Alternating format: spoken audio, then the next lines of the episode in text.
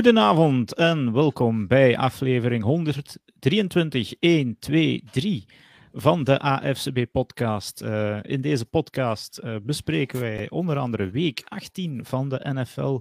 Kijken we terug op een bewogen week vol drama, die eerder, en dat hadden we vorige week al meegegeven, begon met uh, Damar Hamlin, die ondertussen uit het ziekenhuis is kunnen, kunnen wandelen.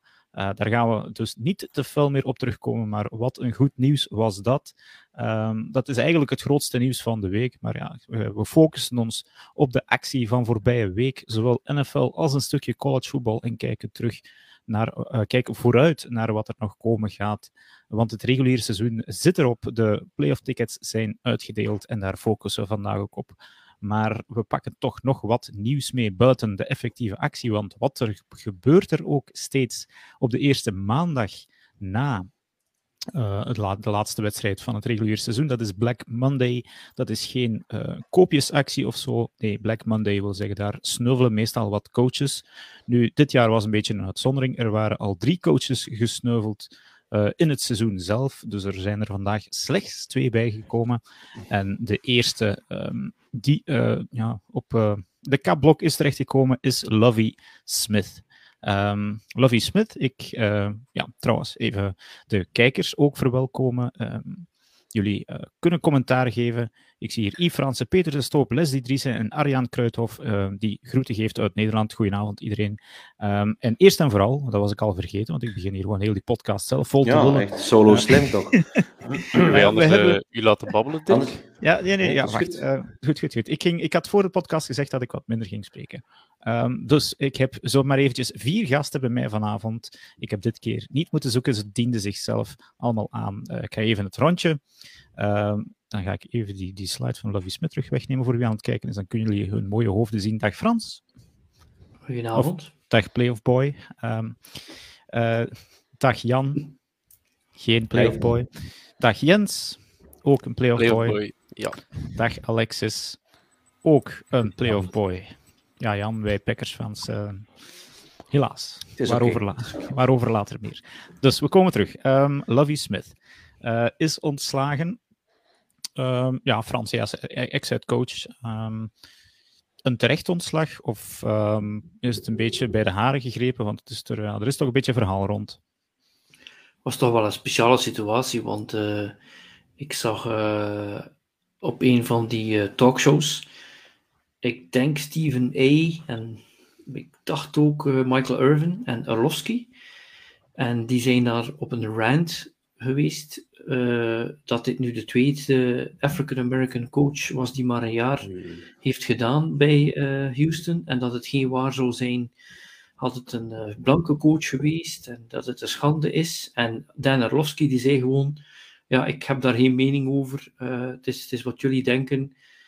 ik kan daar weinig over bijdragen. Dus de racecard werd al onmiddellijk getrokken dat dat de reden zou zijn en dat het niet zou gebeurd zijn uh, had het geen African American coach geweest. Ik denk niet dat, dat dat de reden is. Ik denk dat het een gewoon absoluut 100% shitshow is in, uh, in Houston. En niet alleen daar.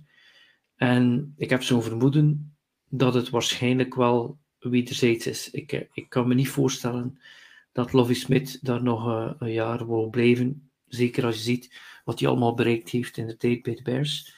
Ja. Um, ik denk dat hij dat heeft gedaan om ja, het team wat uit de shit te helpen en zo. Maar ik kan me niet voorstellen dat hij zelf dacht dat dat een, een long-term solution zou zijn.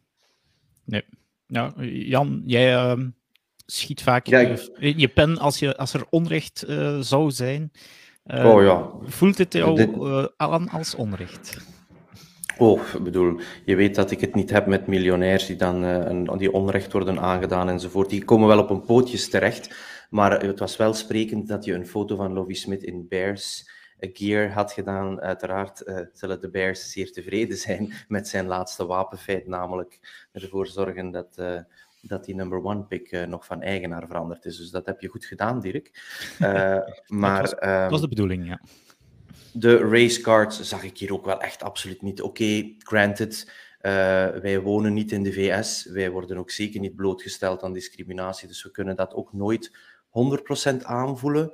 Maar het leek me hier gewoon voilà, uh, van een organisatie die denkt van oké, dit is het dan ook weer niet. Hop, op naar de volgende. Zoals we ooit eens in een podcast gezegd hebben, um, is het zo dat het vaak veel minder geld en moeite kost om gewoon even dat op te hoesten, die ontslagpremies, en dan gewoon op zoek te gaan naar iets nieuws, even in de aandacht te komen, dan eigenlijk te blijven aanmodderen. Ook al weten we dat een ontslag zeker geen garantie is op uh, succes daarna.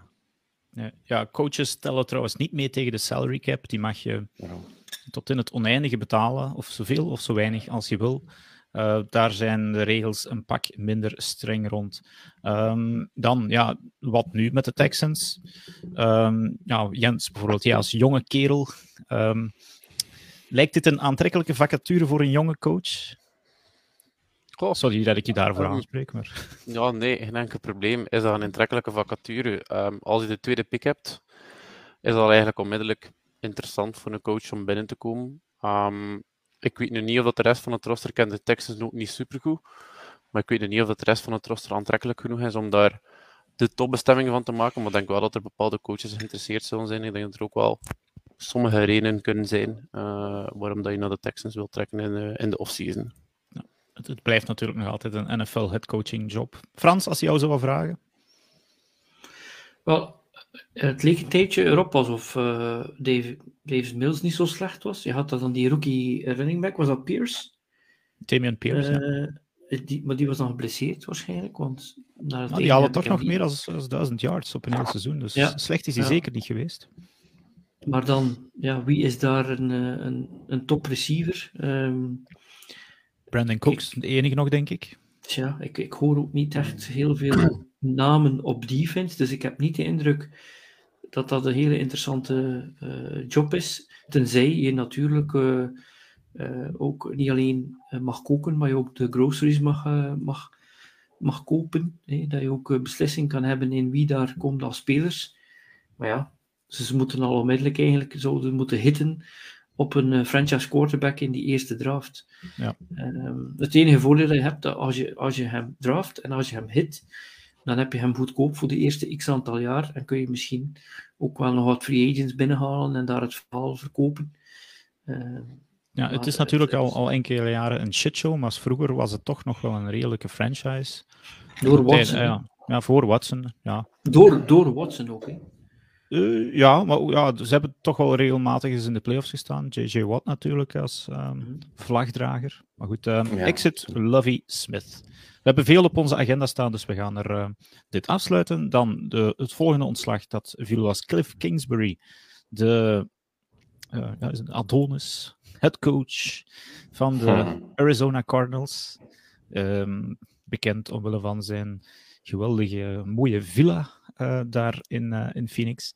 Um, goed, die is ook ontslagen door de Cardinals en tegelijkertijd de general manager Steve Keim uh, heeft zelf ontslag genomen. En dat zeg ik dan met de haakjes rond, want ja, die zal misschien toch lichtjes gevraagd geweest zijn om ook te vertrekken.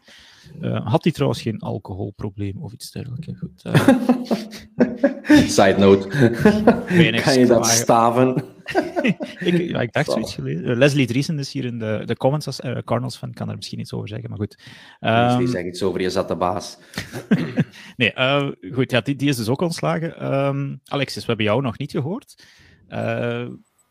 het is ook een NFC-team natuurlijk. Jij als, als Eagles-fan kwam dan af en toe de Cardinals tegen. Ze zijn toch wel wat weggezakt, de Cardinals. Inderdaad, dat klopt. Allee, ik herinner me een paar jaar geleden waren de Cardinals al echt een team om, bang voor te zijn. Zeker met Fitzgerald. Ze halen ook bijna ieder jaar de playoffs. Um, en in het begin met, met Kingsbury ging het eigenlijk ook wel redelijk goed, dacht ik. Um, maar ja, de laatste twee jaar komt het er eigenlijk niet echt uit. En denk ik wel dat, dat ze een andere richting uit moeten, uh, gaan kijken. Oké. Um, het is, ja, ik weet niet. De Cardinals, is het een aantrekkelijke vacature? Daar mag iemand iets over zeggen?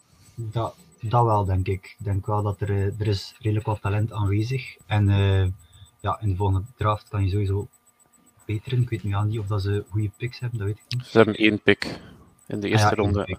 Okay. Derde, dus op zich um, niet onaantrekkelijk, denk ik, maar goed. Ja, inderdaad. Dus je kan wel één goede speler aan. Ja. Oké. De, ehm, vraag is, de vraag is als headcoach in hoeverre dat je denkt dat Murray de future is. Hè? Want Murray die zal mogen helpen beslissen over wie er headcoach wordt. Ik vind dat al om te beginnen eh, een probleem. Want de headcoach is de baas en de quarterback, zelfs al is die een eh, type Brady of eh, Manning die heel veel te zeggen hebben, die moeten toch nog altijd ten opzichte van de andere spelers tonen dat die headcoach inderdaad wel iets te zeggen heeft. En ik heb de indruk met het gedrag van Murray dit seizoen ten opzichte van Kingsbury, dat dat niet bleek dat Murray eh, door één deur kon of respect had voor zijn coach. Dus eh, als, head, als toekomstig headcoach zou ik toch wel heel voorzichtig zijn en zou ik ofwel ervoor zorgen dat die Murray in het eerste jaar absoluut volledig kan spelen volgens al zijn talenten en dat daar volledig proberen uit te halen, maar als hij dat dan niet in slaagt, zou ik dan ook zeggen, let's move on. En niet mijn carrière laten dicteren door, eh, door zo'n kerel. Maar Ja. wat je er wel hebt, is dat die kerel nu volgend jaar verdient hij nog zijn, zijn eerste contract, denk ik. Ehm, Mhm. En dan vanaf het jaar erop begint hij in de 50 miljoen te verdienen, denk ik. Dus ik zeg niet dat je daarmee inspraak koopt, maar ik denk dat je je quarterback van 50 miljoen toch misschien wel eens zal vragen wat, dat ze, allee, wat dat die kerel zijn de mening is over een bepaalde coach. Ik denk niet dat hij de eindbeslissing zal maken, maar we zitten wel met een speler die een enorme impact heeft op de, op de franchise mo- moving forward. Ik, ik zie die, die, die Murray, en je ziet het ook met Lamar Jackson, je ziet die af en toe die gasten passes doen vanuit de pocket, dat je denkt, dit is niet mogelijk. Daar zit zo'n zip op, dat is zo on the money, dat is zo correct. En toch slagen ze er niet in om consistent eh, pocket passers te zijn als de defense dat dicteert. Dus als de defense zegt, je gaat niet lopen vandaag, in die pocket kunnen blijven, die voeten bewegen, die eyes downfield en die open man vinden. Ongelooflijke passes gooien, dat wel, maar consistent vanuit de pocket een gevaar kunnen zijn. En uiteindelijk moet je dat kunnen in de NFL, zelfs al ben je een, eh, een mobiele quarterback die ook heel veel kan lopen. Je ziet het eh, met Mahomes, je ziet het met, eh, met Allen. Als je hen niet laat lopen, kunnen ze nog altijd de open man vinden. Nee, Oké. ehm, trouwens, wie eh, daarnet even een kleine pieptoon hoorde, dat waren hier wat eh, audioproblemen die bij een van onze deelnemers eh, aan de hand was. U hebt geen tinnitus, we zijn dat aan het oplossen. Dirk, Ehm, laatste ding nog, ja. even kort, als ik mag. Ehm, mag. De, de, het is, er is soms wel wat, wat ehm, ja, oproer over het feit dat spelers inzage krijgen over het al dan niet verkiezen van GM's, eh, trainers enzovoort. Had bij onze Rode Duivels, wat bij de Packers ooit, nu hebben we het, het verhaal. Je moet dat denk ik ook wel met een korreltje zout nemen. Je weet ook totaal niet wat die gradatie is van inspraak. Gaat dat over, hey Murray, we hebben er hier drie wat denkt u met die, die en die te kunnen doen? Dan wel van, alsjeblieft, neem er nu één van de drie. Dus ik denk dat we ook niet moeten overschatten dat, Nee. eh, net zoals bij de Rode Duivel of net zoals Rodgers, dat dat niet is. Jij mag kiezen, maar zou je je daar goed bij voelen? Want zoals inderdaad Jan zegt, er hangt veel geld aan die kerel vast. Dus het kan maar beter zijn dat hij zegt van, ja, dat zie ik, er wel, dat zie ik wel zitten. Dus ik Ja. denk dat we dat op die manier moeten bekijken. Ik ga nog even, om dit af te sluiten, vier namen en bedragen voorlezen. Aaron Rodgers 50 miljoen, Russell Wilson 49 miljoen, Kyler Murray 46 miljoen, Deshaun Watson 46 miljoen. Wat is de factor die hen bindt? Geen playoffs. Geen playoffs. De vier best betaalde ehm, quarterbacks in de NFL zijn, ehm, zitten niet in de playoffs. Voilà, kijk. Ehm, dat, Dat is nee, omdat Kirk Cousins uh, allee, playoffs speelt. Allee, of nog geen nieuw contract heeft gekregen. Anders zou je daar sowieso bij gezeten hebben. Eh, ja, ja, ik vind dat Laat zelf die, nog... laat die zijn manager nog een contract onderhandelen, dan zit hij terug bij de best betaalde quarterbacks in de league. Ja. Heeft hij een manager? ja, goed. Uh, zwart. Uh, we laten dit coachingnieuws achter ons uh, en focussen ons uh, op, de, op speeldag 18, die, die er nu op zit. En um, ja, Frans heeft als, als benaming vandaag Playoff Boy, want Frans, jouw Dolphins hebben zich geplaatst voor de playoffs dankzij een nipte overwinning tegen de New York Jets. Um, en ja, natuurlijk ook dankzij het verlies van de Patriots tegen de Bills. Had je het nog verwacht, Frans? Je speelt met een uh, third string quarterback en je wint al weken niet. Dus dan had ik het eigenlijk niet verwacht, omdat de defense van de Jets echt goed is. En ze speelden ook echt goed in die wedstrijd. Uh, en dan op het einde ja, sleep je het er dan toch uit. En uh, als de special teams van, van de Patriots niet de volledige stinker hebben, dan wordt het nog heel spannend tegen, tegen de Bills. Dus ja, ik heb heel veel jaren geweten dat we net niet haalden. Ik denk zelfs met een 10-6 dat de Dolphins niet in de playoffs waren. Maar Ja, het gevoel die ik nu natuurlijk heb de laatste drie jaar, eh, 10-6, was het dan 9-8 of ja, en nu ook weer 9-8 en wel playoffs. Eh, Ik heb in de laatste jaren heel weinig plezier aan de Dolphins gehad. Eh, tenzij je als Fitzmagic op het plein stond. Eh dat heel die shitshow met die headcoach die dan moest vertrekken. En dan eh, dit seizoen, Tua, begin van het seizoen, ik zag het totaal niet zitten. Dan zag je toch dat hij iets beter speelde. En hij begint zo'n beetje het type Eli Manning te zijn. 65% completion, de, de, de veilige passes kunnen doen, Ja. niet te veel fouten maken. eh, hij- allee, ook een, een degelijke quarterback zijn, maar zeker niet iemand die eh, in de vierde quarter telkens een, eh, een team naar de overwinning of van een, van een, eh, van een achterstand naar voren kan, kan leiden. Dus ja, het enige dat je kunt denken is dat die headcoach toch wel tamelijk een beetje progressief denkend is in, in hoe de plays moeten gecalled worden of zo. Maar Ja. ja eh, eh, ik, ben- ik, ik weet niet wat de spread is eh, van de Bills, maar dat zal minimum 14 à 17 punten schelen. Nee, zoveel is het niet, denk ik. Ik dacht 10,5 of zoiets. Nee, nee, maar de, de einduitslag zal zoiets Ah, zo, ja. De Bills, de Bills gaan niet sparen, ze gaan erover walsen. Ja. Zelfs, al, zelfs al is het Teddy Bridgewater, dan, het, is, ja, het is een beetje zoals de Steelers vorig jaar. Die zijn ook langs de backdoor in de playoffs geraakt. En die hebben gewoon een pak slag gekregen. En ik denk Ja. dat, het, ja, ik, ik ben wel blij. Als je, als je er bent, ben je er, dan ben je in de dance. Iedereen is 0 en 0. En je weet maar nooit, want Allen, Josh Allen heeft ook wel een paar mindere wedstrijden gehad. Maar het zou een mirakel zijn moesten we de tweede ronde geraken. Ja, jullie, zitten nog, jullie zitten nog minstens tot zondag 7 uur in de playoffs, want dan wordt die wedstrijd gespeeld. Voor ons in primetime, dus eh Bills tegen de Dolphins. Je hebt er al, dus, eh, het al besproken dat ze kans maken. De spread is inderdaad 10,5 punt. Ik kan niet al zeggen dat ik die genomen heb in het voordeel van de Bills, moet ik zeggen. Ehm, goed, is, is het dan een Pires-overwinning? Eh, of, of ben je dat toch gewoon, ja, maar liever 9 en 8 dan 8 en 9 veronderstel? Dat is het. hé. Je hebt de winning season, je zit in de playoffs. Er kan inderdaad van alles gebeuren. Ja, bedoel maar. eh, maar het is wel raar dat we van heel veel teams dit gezien hebben dit jaar. Ofwel heel slecht gestart en dan heel veel gewonnen op het einde om dan net wel of net niet de playoffs te halen. Of heel goed gestart en dan heel veel verliezen om dan net niet of net wel de playoffs te halen. Dus de vraag is, in welke groove zit je liever? En die, al die teams die eh 49ers, andere teams die 10 na elkaar, 7 na elkaar, 8 na elkaar gewonnen hebben, daar moet je waarschijnlijk veel meer op inzetten in de playoffs dan een team zoals de, de Dolphins, die langs de backdoor zijn binnengekomen. Ja.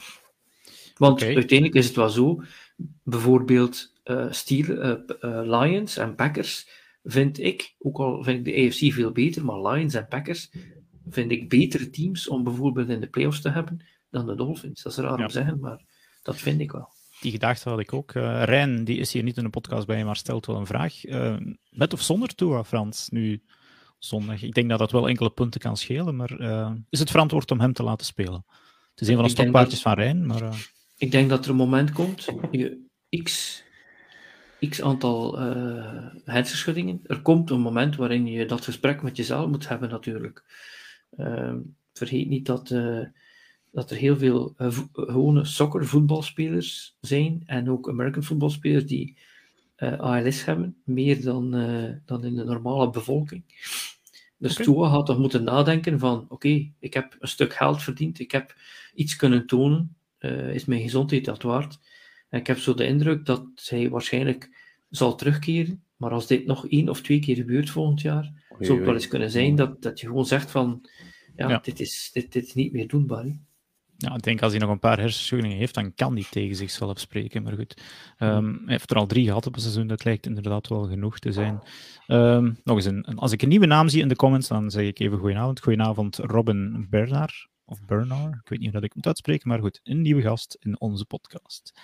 Ehm, we gaan de Patriots en de Steelers nu even niet bespreken, want die komen straks nog terug in onze, ons segment van de two-minute defense, waarin dat we ploegen die uitgeschakeld zijn voor de playoffs um, bespreken en hun positieve punten van volgend seizoen gaan uitlichten. Um, dus we gaan over naar de volgende wedstrijd. Uh, en dat was dan wel een leuke, um, want ja, Frans, jij had zaterdagavond Raiders Chiefs uh, als commentaar op Eleven Sports, maar de, mm.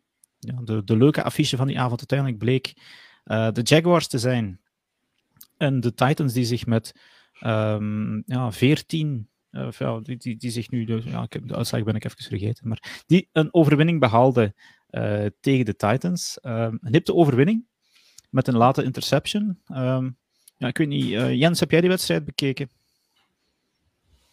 Ik heb die match bekeken via Red Zone. Um, allee, er waren wel redelijk wat games aan de hang. Dus uh, dat was een Red Zone match. Maar uiteindelijk volgde wel een klein beetje wat er daar aan het gebeuren is. Ik denk niet alhoewel dat de Titans voorkwamen in de match, had ik niet echt het gevoel dat de, dat, dat de Jaguars uitge, uitgeteld worden. Ik denk dat dat een klein beetje de laatste weken van hun seizoen ook typeert. Um, ik denk dat die, allee, die zijn 2 6 gestart en dan hebben die zeven van hun laatste negen matchen gewonnen, denk ik, om, om in de playoffs te geraken. Dus ik denk dat we daar wel een klein beetje Titans, uh, Jaguars team gezien hebben, ook tegen de Titans. Wat dat we misschien verwacht hadden in het begin van het seizoen met een allee, goede tandem. Um, Lawrence en Kirk. En dan nog Travis Etienne, die, die, die, die goede back is. Dus ik denk dat zij wel ook um, mooie vooruitzichten hebben in de toekomst. Ik weet nog niet dat Kirk volgend jaar nog, allee, nog on point zal zijn. Maar ik denk dat toch Etienne en, en Lawrence mooie vooruitzichten zijn voor de fanbase. Ja, ik kan je al zeggen, als ik als Dynasty Fantasy speler één speler wil op mijn team, is het nu wel Travis Etienne eigenlijk. En die receivers zijn volgens mij ook koopjes. Nu, de wedstrijd werd wel, um, de Titans waren in mijn ogen beter. Uh, dus, en, en, werd een beetje beslist op een controversiële play call, laten we het zo noemen.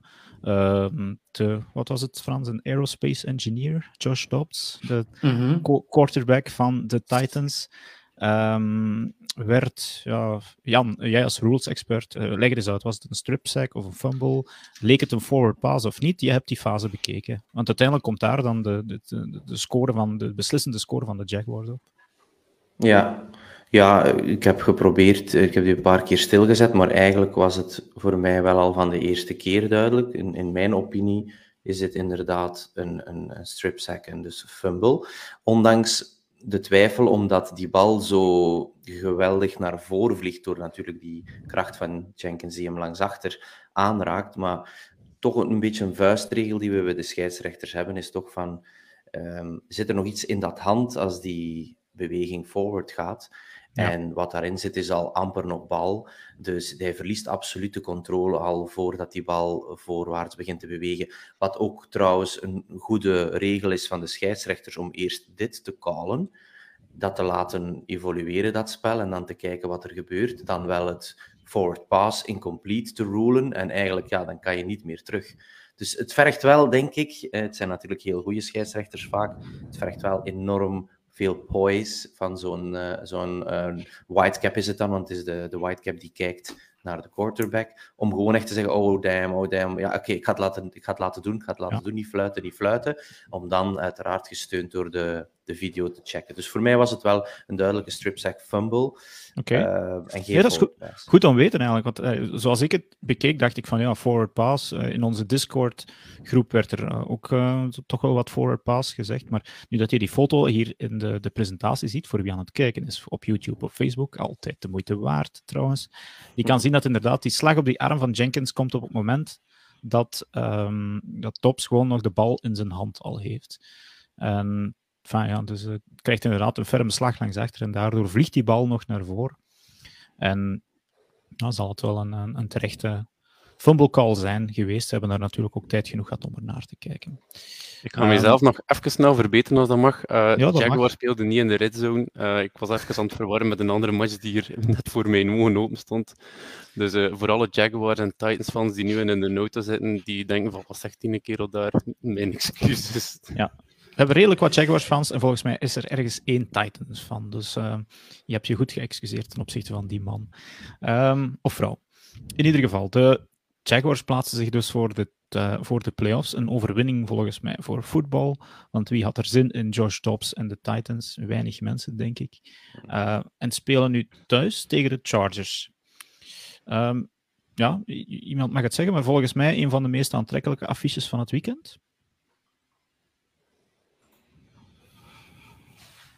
Ja, ja. Je, je, zou dat kunnen stellen omdat je uh, de indruk hebt dat er een kans is op een spannende wedstrijd.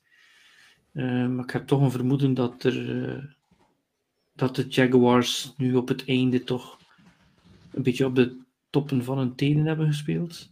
Ja. Terwijl het er bij de Chargers iets makkelijker aan toe gaat op offense, denk ik. Ja, op dit moment uh, is er geen favoriet in de wedstrijd. Is het een pick'em. Dus uh, zowel de Chargers als Jaguars worden evenveel kansen toegedicht uh, om die wedstrijd te winnen. Um, terwijl dat de wedstrijd wel in Jacksonville is. Dus ja, goed. dus op zich valt het nog wel mee. Um, en je mag iets niet vergeten. het scheelde niet veel. Of de helft van de Chargers-spelers waren op injured reserve dankzij hun headcoach. Ja. Ik, uh, Jij houdt toch ik, van die headcoach, hè? ik was nog, man, man, man, man. Ik, wou, ik was nog even aan het wachten op, op, uh, op een een of andere rant, maar inderdaad. Um, dan, dan springen we maar ineens naar, naar de Chargers. Uh, die plaatsen zich als, als five seed voor, um, voor de playoffs. Moesten daar eigenlijk niets voor doen. Uh, want zaten voor de wedstrijd, door de eerdere uitslagen op die avond, eigenlijk al vast die 5 seed. Konden niet naar de, de 4, want ja, dat gaat niet. Uh, ze konden niet vallen naar de 6. En toch starten ze met ja, al hun starters, die meer dan drie kwart van de wedstrijd vol spelen. Um, ik vond dat een fireable offense.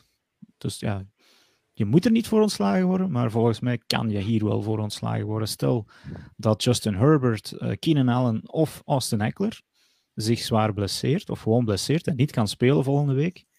Oké, okay, de Chargers hebben niet veel fans, um, maar dan zou het kot toch te klein moeten zijn. Wie, ja, wie, ik wie, dat wie zijn, dubbelijk. Ja, wie zijn wide receiver 1 en wide receiver 2 van de Giants? Kan iemand die, die, die zeggen? Van de Giants? Ja. Slayton en... Uh, Golladay? Nee, nee. Golladay? Ja. Nee. Ja. Golladay is in principe de één, maar goed, dat is... Nee, het is niet, het is niet Golladay, het is Slayton en nog iemand. Ja. Die twee hm. hebben niet gespeeld. We weten nog met moeite de naam van spelers die 1 en 2 zijn bij de Giants en die hebben niet gespeeld. Maar Mike Williams, die moest erop staan. Ongelooflijk. Herbert, wat, wat, wat stond hij daar te doen, die Herbert?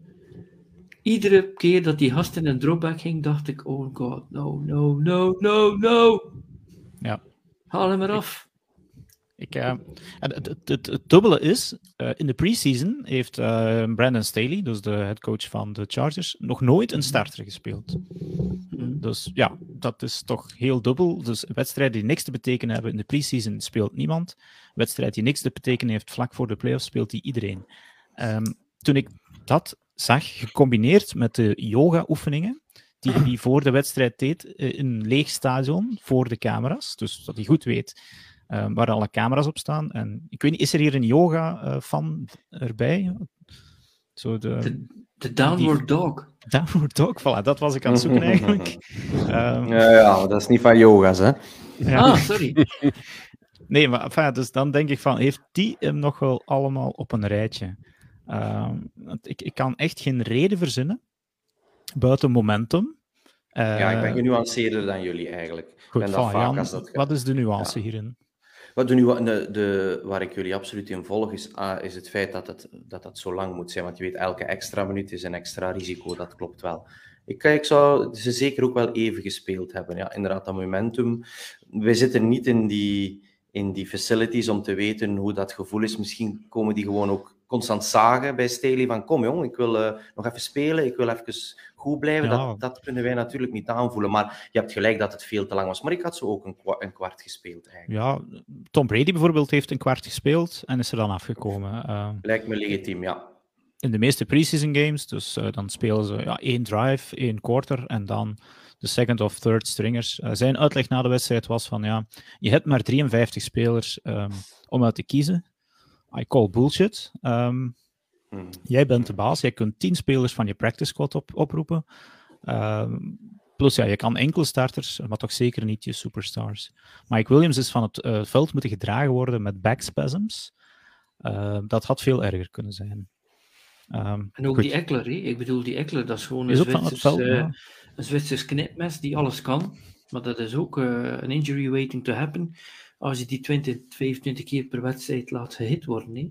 Dat is, ja. uh, dat is een, een superatleet, maar en mag niet vergeten dat die gasten heel erg dat tegengehouden hebben van die 17 wedstrijden. Ze hebben dan gezegd twee minder pre of één of minder pre-season of zo, maar dat, dat, dat weegt heel hard op, op die spelers, die extra wedstrijden. Als je dan die gasten een week uh, vrij af kan geven, dat is, dat is meegenomen. Hè? Goed. Uh, tot daar het renten over de Chargers. Uh, zij spelen dus nu zondag 7 uur tegen de, tegen de Jaguars. Ik, ik ga er mij voor zetten in ieder geval. Um, enfin, ik zal het op de achtergrond opzetten, want er is hier een, een feestje in huis. Maar goed, daar ga ik mij toch niet over en toch de eh, podcast. Hoe laat moeten we daar zijn? Ja, ja, ja, zeven uur. Hè. Ah, ja. Oké. Okay. Brengt, uh, brengt Laurens whisky mee? Ja, het is een feestje voor de baby, Frans. Maar goed, wel, ah, mag. ja. ja. Witte wijn dan? ja, Cognac voor in melk. Wijn is dan wel oké okay voor een kind of zo, maar whisky niet. Ik snap het, ja, de alcoholgraad, ja, ja, ja. Nou, kom, niet te woke allemaal. Uh, dat mag, dat oh, nee, mag. Ja, nee. Uh, volgende wedstrijd die we bekeken hebben, en ja, daar was Frans natuurlijk zeker bij. De Chiefs um, namen de number one seat, was nog wel vrij belangrijk, dankzij een zege tegen de Raiders. Oeh, oh, ja, fijn, ja het, het, was, het was eigenlijk geen leuke wedstrijd. Waren het niet, omwille van, en als u kijkt in de, in de, de, de stream, um, het, het, is ondertussen heeft het een naam gekregen, de Snow Globe Play. Precies, de eh. Giro. ja, ik weet niet. Uh, Alexis, gaan we jouw geluid nog eens testen? Ja, dat is goed. Voilà, kijk. Uh, ja, het is veel beter. De, de piep is weg. Um, Oké. Okay. Ja, buiten bij mij, maar ik heb die mijn heel even lang. Dus, maar fijn. Um, ja, Alexis, nu dat je er ja. toch bent, heb je die play gezien? Je, de, de, de, de Snow Glow play, dus de, voor wie het niet weet en wie het niet kan zien. De Chiefs um, gingen in een rondje staan, deden een ronde dans. Ik moet het echt zo noemen plaatsten zich dan allemaal um, in de, de, de ja, three-point three stance. Um, een play en een touchdown die later wel werd teruggeroepen. Dus ja, ik vond het wel uh, aantrekkelijk om te zien. Maar goed, wat vond jij ervan? En ik weet dat Frans al een andere mening heeft, maar... uh, ja, wel, ik was eigenlijk niet thuis, dus ik was niet aan het kijken. Maar plots kreeg ik een melding uh, van die play, of ik was op Facebook aan het scrollen. En ik kreeg eigenlijk spontaan de, de slappe lach. Omdat... dat toont echt gewoon ja, hoe hard de Raiders vernederd werden door de Chiefs. En uh, ja, dat er dan een touchdown volgt, oké, okay, je wordt teruggeroepen, maar hoe belachelijk moet je dat niet voelen als, als Raiders-speler? Dus uh, ja, ik vond dat wel uh, een, een, leuk feitje eigenlijk van die, van die wedstrijd. Voor de rest was er niet veel te beleven. Dus nee. ja. Frans, jij, jij had er een duidelijk andere mening over, heb ik achteraf gelezen. Ja, je ziet daar Andrew Billings, nummer 97 van de Raiders. Je weet dat ik als headcoach zeg, altijd de regels volgen, niet tegen de tegenstander praten, geen domme fouten begaan. Maar als ze me zo belachelijk maken, dan zou ik tegen uh, die Billings, die meer dan 300 pond weegt, gezegd hebben, op het moment dat ze uit een snowbloop aan het draaien zijn, dan start je en dan ga je met Holmes gewoon anderhalve meter in de grond boren. E ejected, met Holmes zijn been uh, scheef staan, en dan... Het is maar half the distance, hè. Dan ga, je dit, dan ga je dit soort crap maar één keer uh, in je carrière doen. Reed, Reed kon ermee lachen, maar uiteindelijk, ik kan je verzekeren, er komt een payback moment dat de Raiders gaan dat nooit vergeten. Nooit. Nee. En ze gaan ja. er zeker voor een payback doen, zeker. Nee, ja, ik vond het inderdaad ook wel. Dat is leuk om te zien, hè? maar het is, ja, ja. Het, is, het niet. Sportsmanship is, is ver te zoeken hier. Ja, ja, ik, ik, ik, had dan ook de pech dat ik net opstond vanuit mijn zetel, dus ik heb jouw call ook niet gehoord. Um, ben je wel neutraal gebleven bij die call? Ja, ja, ja. Als, ik, uh, als ik aan het presenteren ben, dan, dan ga ik niet dit soort uh, uitspraken doen. ik vind dat je dat wel eens moet doen. Gewoon zo één uitzending. Doen alsof dat in de podcast zit. M- m- mijn laatste dan. Eh, ja. Nee, eh, uiteindelijk, ironisch genoeg, de play werd eh, teruggeroepen omwille van een, een hold of iets dergelijks. Ehm, en de play daarna scoorden de Chiefs dan nog, dus ze maakten de Raiders echt wel belachelijk. ehm, dus wat. ehm, inderdaad, Jan, zoals, als, als je er een penalty neemt, is het maar half the distance to the goal. Dus ja, een eitje volgens mij om dat de volgende keer te doen. Ehm, dan in de EFC, want daar zitten we nog. De Bills plaatsen zich als nummer 2. dankzij een ehm, goh, ja, redelijk moeizame zege toch nog. Ik Ja, dacht dat ze wel, met vijf, 50 punten verschil zouden gaan winnen tegen de Patriots. Mhm. Eh, twee kick-off returns door. eh, naam kwijt. Naheem Himes. Ja, Naeem ik dacht al, Hines, we zijn met vijf, iemand gaat het weten. Ehm, en ja, ik weet niet wat jullie mening is, maar ik begin wat te twijfelen bij de Bills. Als eh, ja, begin van het seizoen hadden wij die allemaal als, als Super Bowl eh gedoodverde favoriet, winnaar. Hebben ze nog voldoende momentum, die Bills? Ik denk dat wel. Ja? Ze, ze, zijn, ze, zijn ze zijn wel slechter bezig, dat is waar. En André, het ook nog over mij eens. Dat ze wel minder tonen dan dat we verwacht hadden. En dan in het begin van het seizoen. Maar uiteindelijk, ja, ze hebben nog altijd wel het talent lopen. En week 18 of wildcard van de playoffs, dat is nog altijd iets heel anders. Ja. Dus denk ik dat we dit weekend misschien wel die eh blowout mogen verwachten. Maar dan tegen, eh, tegen de Dolphins zeker. Tegen de Dolphins, ja. We hebben het er al over gehad. Het is, ehm, de Dolphins moeten dan in ehm, Buffalo gaan spelen. Daar waar ze zich ja, vorige keer toch goed een plan getrokken hebben, uiteindelijk, in die, die vrieskou. Ehm, Eigenlijk goed, ja. toevallig, toen dat Ja. Alex en ik aan het kijken waren naar de match, eh, was er een bepaald moment in, dat ik zei, ik weet eigenlijk niet of dat ik nog 100% overtuigd ben van de Bills, omdat die eigenlijk afstand aan het nemen waren door het feit dat die twee kick-off returns voor een touchdown hadden, wat dat ay, incredibly zot is. Maar dat was ook wel de... Allee, er is dan enkel nog maar één touchdown gemaakt, voor de rest. Nu, nu wel, net op dat, op dat moment scoren de Bills een, ja, een redelijk zotte touchdown. Dus moest ik direct terug zwijgen. Maar ik denk dat het punt wel blijft dat er bepaalde eh flarden zijn in de matchen die je doen twijfelen misschien aan of dat de Bills ook- kandidaat zijn. Het waren twee, twee returns, maar voor hetzelfde geld scoorden ze uit die, die fase dan ook een touchdown. Moest die, en die return voor de touchdown. Oh. Dus, allee, dat kan natuurlijk. kan even goed, maar ze Maar- kunnen even niet scoren en dan zitten we terug in dezelfde discussie dat ze ja, misschien niet... Allee, dat zijn hypotheticals dat we helaas niet kunnen... Ja, Dat is waar. we zijn ook wel erg streng natuurlijk. Hè. Wie is er hier compleet aan het spelen? Welke ploeg is er compleet aan het spelen? De laatste twee, drie wedstrijden. Ja, ja, het vorige week ook zeker. Ja, maar ehm, nee, nee, nee, nee. Compleet Dat is- vernederd. het is een feit dat het inderdaad wel allemaal een beetje minder is met de Bills, maar nog altijd een heel potente ploeg, eh, die ook wel best mogelijk eh, een niveautje nog een beetje gaan kunnen opkrikken. Eh, ze blijven absoluut top 4. Als je moet nemen wie speelt er de Conference Championships, dan zie ik ze daar nog altijd wel redelijk makkelijk staan. En dan is het natuurlijk ja, altijd een dubbeltje op zijn kant als je over de halve finales van een, van een competitie spreekt. Maar eh, het is wat minder, maar ik heb er wel nog vertrouwen in. Plus, je kent die Amerikanen, die zweven nog een paar weken op het Damar Hamlin-verhaal, nog een paar drietjes hier en daar erbij smijten. En eh, waarschijnlijk gaat hij volgende week aan de zijlijn staan en geeft hij nog eens, nog eens kunnen we samen nog een beetje bidden. En dan komt het helemaal goed. Dus eh, ja, Dat, Dat, dan, eh, wil ik dat- Jens, dat helpt. dan wil ik Jens een reactie wel nog eens zien. Het bidden heeft wel geholpen, eh, want hij heeft inderdaad het, het ziekenhuis dus kunnen verlaten. Dat kan ook effectief echt wel een, een team een boost geven. Dus ik denk niet dat je de impact Ja, ja, ja. mag gaan onderschatten. En allee, zonder nu al vooruit te lopen op wat we straks gaan, gaan vertellen, in, in college heb je bij, misschien hetzelfde. Georgia Bulldogs, die hebben soms matchen gehad dat je niet van overtuigd was. Maar als die willen, kunnen die een knop omschakelen die dan alleen een tegenstander volledig wegblazen. En dat kan even goed hetzelfde zijn bij de Bills, dat die wat gemak, gemakzuchtig bezig waren. Ja, ik Ehm, denk ook dat ze misschien de Patriots iets onderschat hadden en dachten, oké, we wassen er hier wel makkelijk over. Ja. Oké, goed. En dan je laten mag niet Bills. vergeten dat eh, Ja. Mac Jones, die heeft daar op een bepaald moment in een serie gespeeld. Ik denk dat hij eh 15 consecutive passes of die, die, die speelde niet slecht. Hè. Eh, Als die Nee. special teams het eh, niet zo hadden verplooid.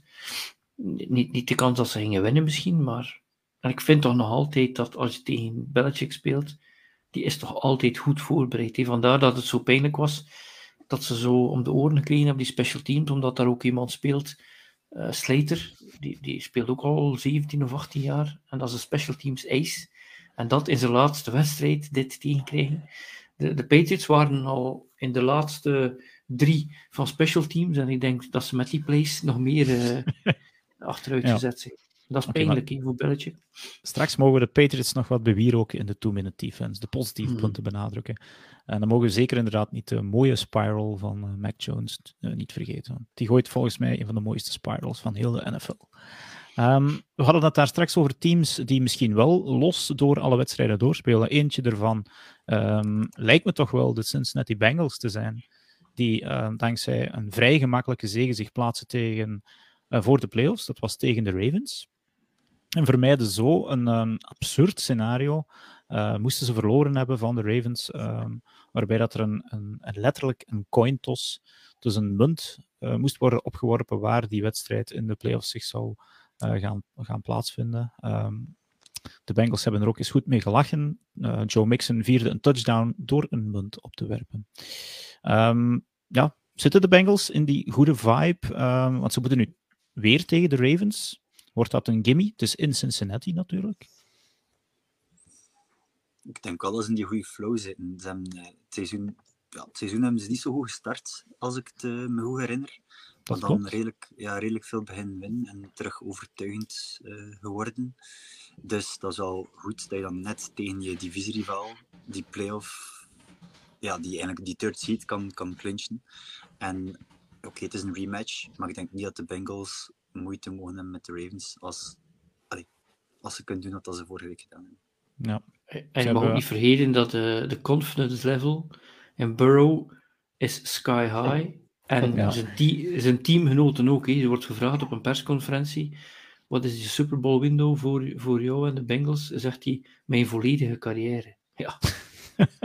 Dan, ja. dan als, je, als, je, als je in dat team speelt, dan vertrek je al om vier uur s morgens naar de gym. He. Dan zeg je: ik ga hier alles doen voor die kerel. Ik wil er ook vier winnen met hem. Ik bedoel, dat, dat is het type leider dat je wil hebben, he, die het zegt, maar die het ook doet. En, en dat, dat heeft heel veel vertrouwen. He alhoewel uh, tegen de Ravens spelen, dat is ook zo'n coach à la Belichick, die Harbaugh. Die, en en zo'n uh, de coach van de Steelers net hetzelfde. Je hebt daar nooit mee gedaan. Hè. Die mogen mindere teams hebben, die mogen gekwetst, geblesseerde spelers hebben. Op een of andere manier kunnen ze toch nog een wedstrijd schemen dat ze eventueel toch wel een kans maken. Dus uh, de Bengals gaan hoogstwaarschijnlijk wel winnen. Maar, uh, maar de Ravens, je, je, hebt daar niet mee gedaan. En als Lamar speelt, ja, dat weet je niet. Is er eigenlijk al een update rond Lamar? Het laatste dat ik geleerd had, was gisteren, denk ik, dat ze nog niet 100% zeker waren of nee? hij ging kunnen terugkeren. Nee, 50-50. Dat zou ik ook zeggen als ik wist dat hij kon spelen. Voilà, laten we toch zo lang mogelijk in het midden. Hè. Lijkt me ja. logisch. Hm. Ja, dat is slim. Want met, met Huntley, ja, dan is het een verloren zaak. Denk ik. Maar goed. Uh... Goed, dat was de, een beetje alle, alle AFC uh, playoff contenders. Ja, hoe speelt zich dat nu uit? Voor wie aan het meekijken is, kan de slide zien met de AFC playoff matchups. Dus Kansas City is vrij dit weekend. Zij kunnen hun voeten op de bank leggen. Uh, Las Vegas, uh, sorry, ja, die zijn er uiteraard niet bij. Natuurlijk. Wat een lams. Ah, ja. Die Laurens, zo gaan we. Las, Las Vegas zit op de zetel. Ja, fijn. Ja. Net als strip. Ja. Dit was niet expres om nog eens een shot te kunnen geven aan de Raiders. Nee, de Los Angeles, wil ik zeggen, Chargers spelen als five seaters in Jacksonville. Um, de Ravens spelen dus, zoals gezegd, tegen de Bengals. En uh, de Dolphins spelen tegen de Buffalo Bills. Dus ja, het, het, lijkt nog een beetje een opwarmertje, moet ik eerlijk gezegd zeggen. Deze ja. AFC. Uh, het, het, is voor mij geen super wildcard. Maar alhoewel dat alle sterren van de AFC buiten Mahomes wel in actie komen. Naast het feit dat het nog geen super wildcard is, is het wel bijna niet te bevatten als je de verzameling quarterback ziet. Ja. Herbert, Lawrence, Jackson als hij speelt, uh, Burrow, Allen, uh, Hurts. En dan nog uh, Purdy. En de, de anderen zijn wat, ja, de anderen zijn wat ouder. Ja. maar de anderen zijn wat ouder. Maar je spreekt toch wel over zes, zeven jonge quarterbacks. Die allemaal een kans hebben om misschien bij de laatste acht, de laatste vier te komen. Dat is wel uh, speciaal. Hè? Ja. dit is, allee, als we straks de slate van de NFC laten zien, is het toch wel een groot verschil, vind ik hier. Dat was voor het seizoen al zo. Eh, Ik denk dat alle favoriete teams met de jonge first-round quarterbacks zeker doorgespeeld hebben. ehm, tot, in, tot in de playoffs. Dus op dat, op dat vlak is het wel heel mooi. Maar ik denk dat we vooral heel leuke divisional games gaan krijgen. eh, wie dat er ook zich mogen, mogen doorspelen. Ik denk dat we dat wel. Dat is dan, wacht even, Chiefs, Chargers, als alles normaal verloopt, en Bengals, Bills. Eh, ja, dat, zou- eh, dat is als dat de favorieten zich er doorspelen, is het Chiefs Chargers en Bengals Op Bills. Dus, papier, op papier toch. eh, ja, ja, de Chiefs spelen Ja, sowieso tegen de laatst overgebleven, laagst overgebleven Zeg eens, Alexie, wie zie je niet? Olif? Nee, nee, nee, ik zeg op papier niet. de beste. Ik, zeg, ik denk ook wel dat die matchen zullen zijn, maar je weet nooit met Jacksonville. Ik, ik vertrouw dat team niet. Nee, dat is inderdaad. Daarom dat ik zeg dat dat zo de aantrekkelijkste volgens mij wedstrijd is. En omdat ja, er is ook geen favoriet voor de gokkers. Dus het kan een beetje beide kanten uit. Maar het, de ervaring, en dat heeft Frans misschien daar straks al op willen hinten. De eerste keer dat je in de playoffs komt, eh, is het vaak one and done. Ehm, of je moest Tom Brady heten, natuurlijk. Ehm, goed, dan gaan we over naar de NFC side of things. Ehm, die AFC, dat speelde zich eigenlijk allemaal een beetje af zaterdag en zondag eh, in onze 7 o'clock window, zal ik maar zeggen. Dat was een eh, aantrekkelijk momentje, moet ik zeggen, om al die wedstrijden te zien spelen. Eh, en ja, om 10 uur begonnen dan de Seattle Seahawks eraan voor hun wedstrijd tegen. ehm, tegen wie was het nu alweer? Tegen, Tegen de Rams. De? Rams. Ja, ja, sorry. Ze hadden daar overtime voor nodig, maar ehm, twee kicks. We hebben ook nog eens een doink gekregen. Dat was ook weer even geleden. Eh, en de Seahawks konden zich dus eh, ja, met een overwinning en een Packers los uiteindelijk plaatsen voor de playoffs. En ja, helaas moet ik zeggen, natuurlijk als Packers-fan, gebeurde dat ook. Ehm, goed, de Seahawks ja, verslaan dan de, de, de LA Rams van Baker Mayfield en zitten dus in de playoffs. Ehm, ja, iemand mag me hier tegenspreken, maar ik vind het eh, verrassend. Zeker voor het seizoen en ook gezien de laatste weken een beetje dat de Seahawks zich alsnog plaatsen. Toen we drie gegaan in de laatste weken, dus allee, uiteindelijk.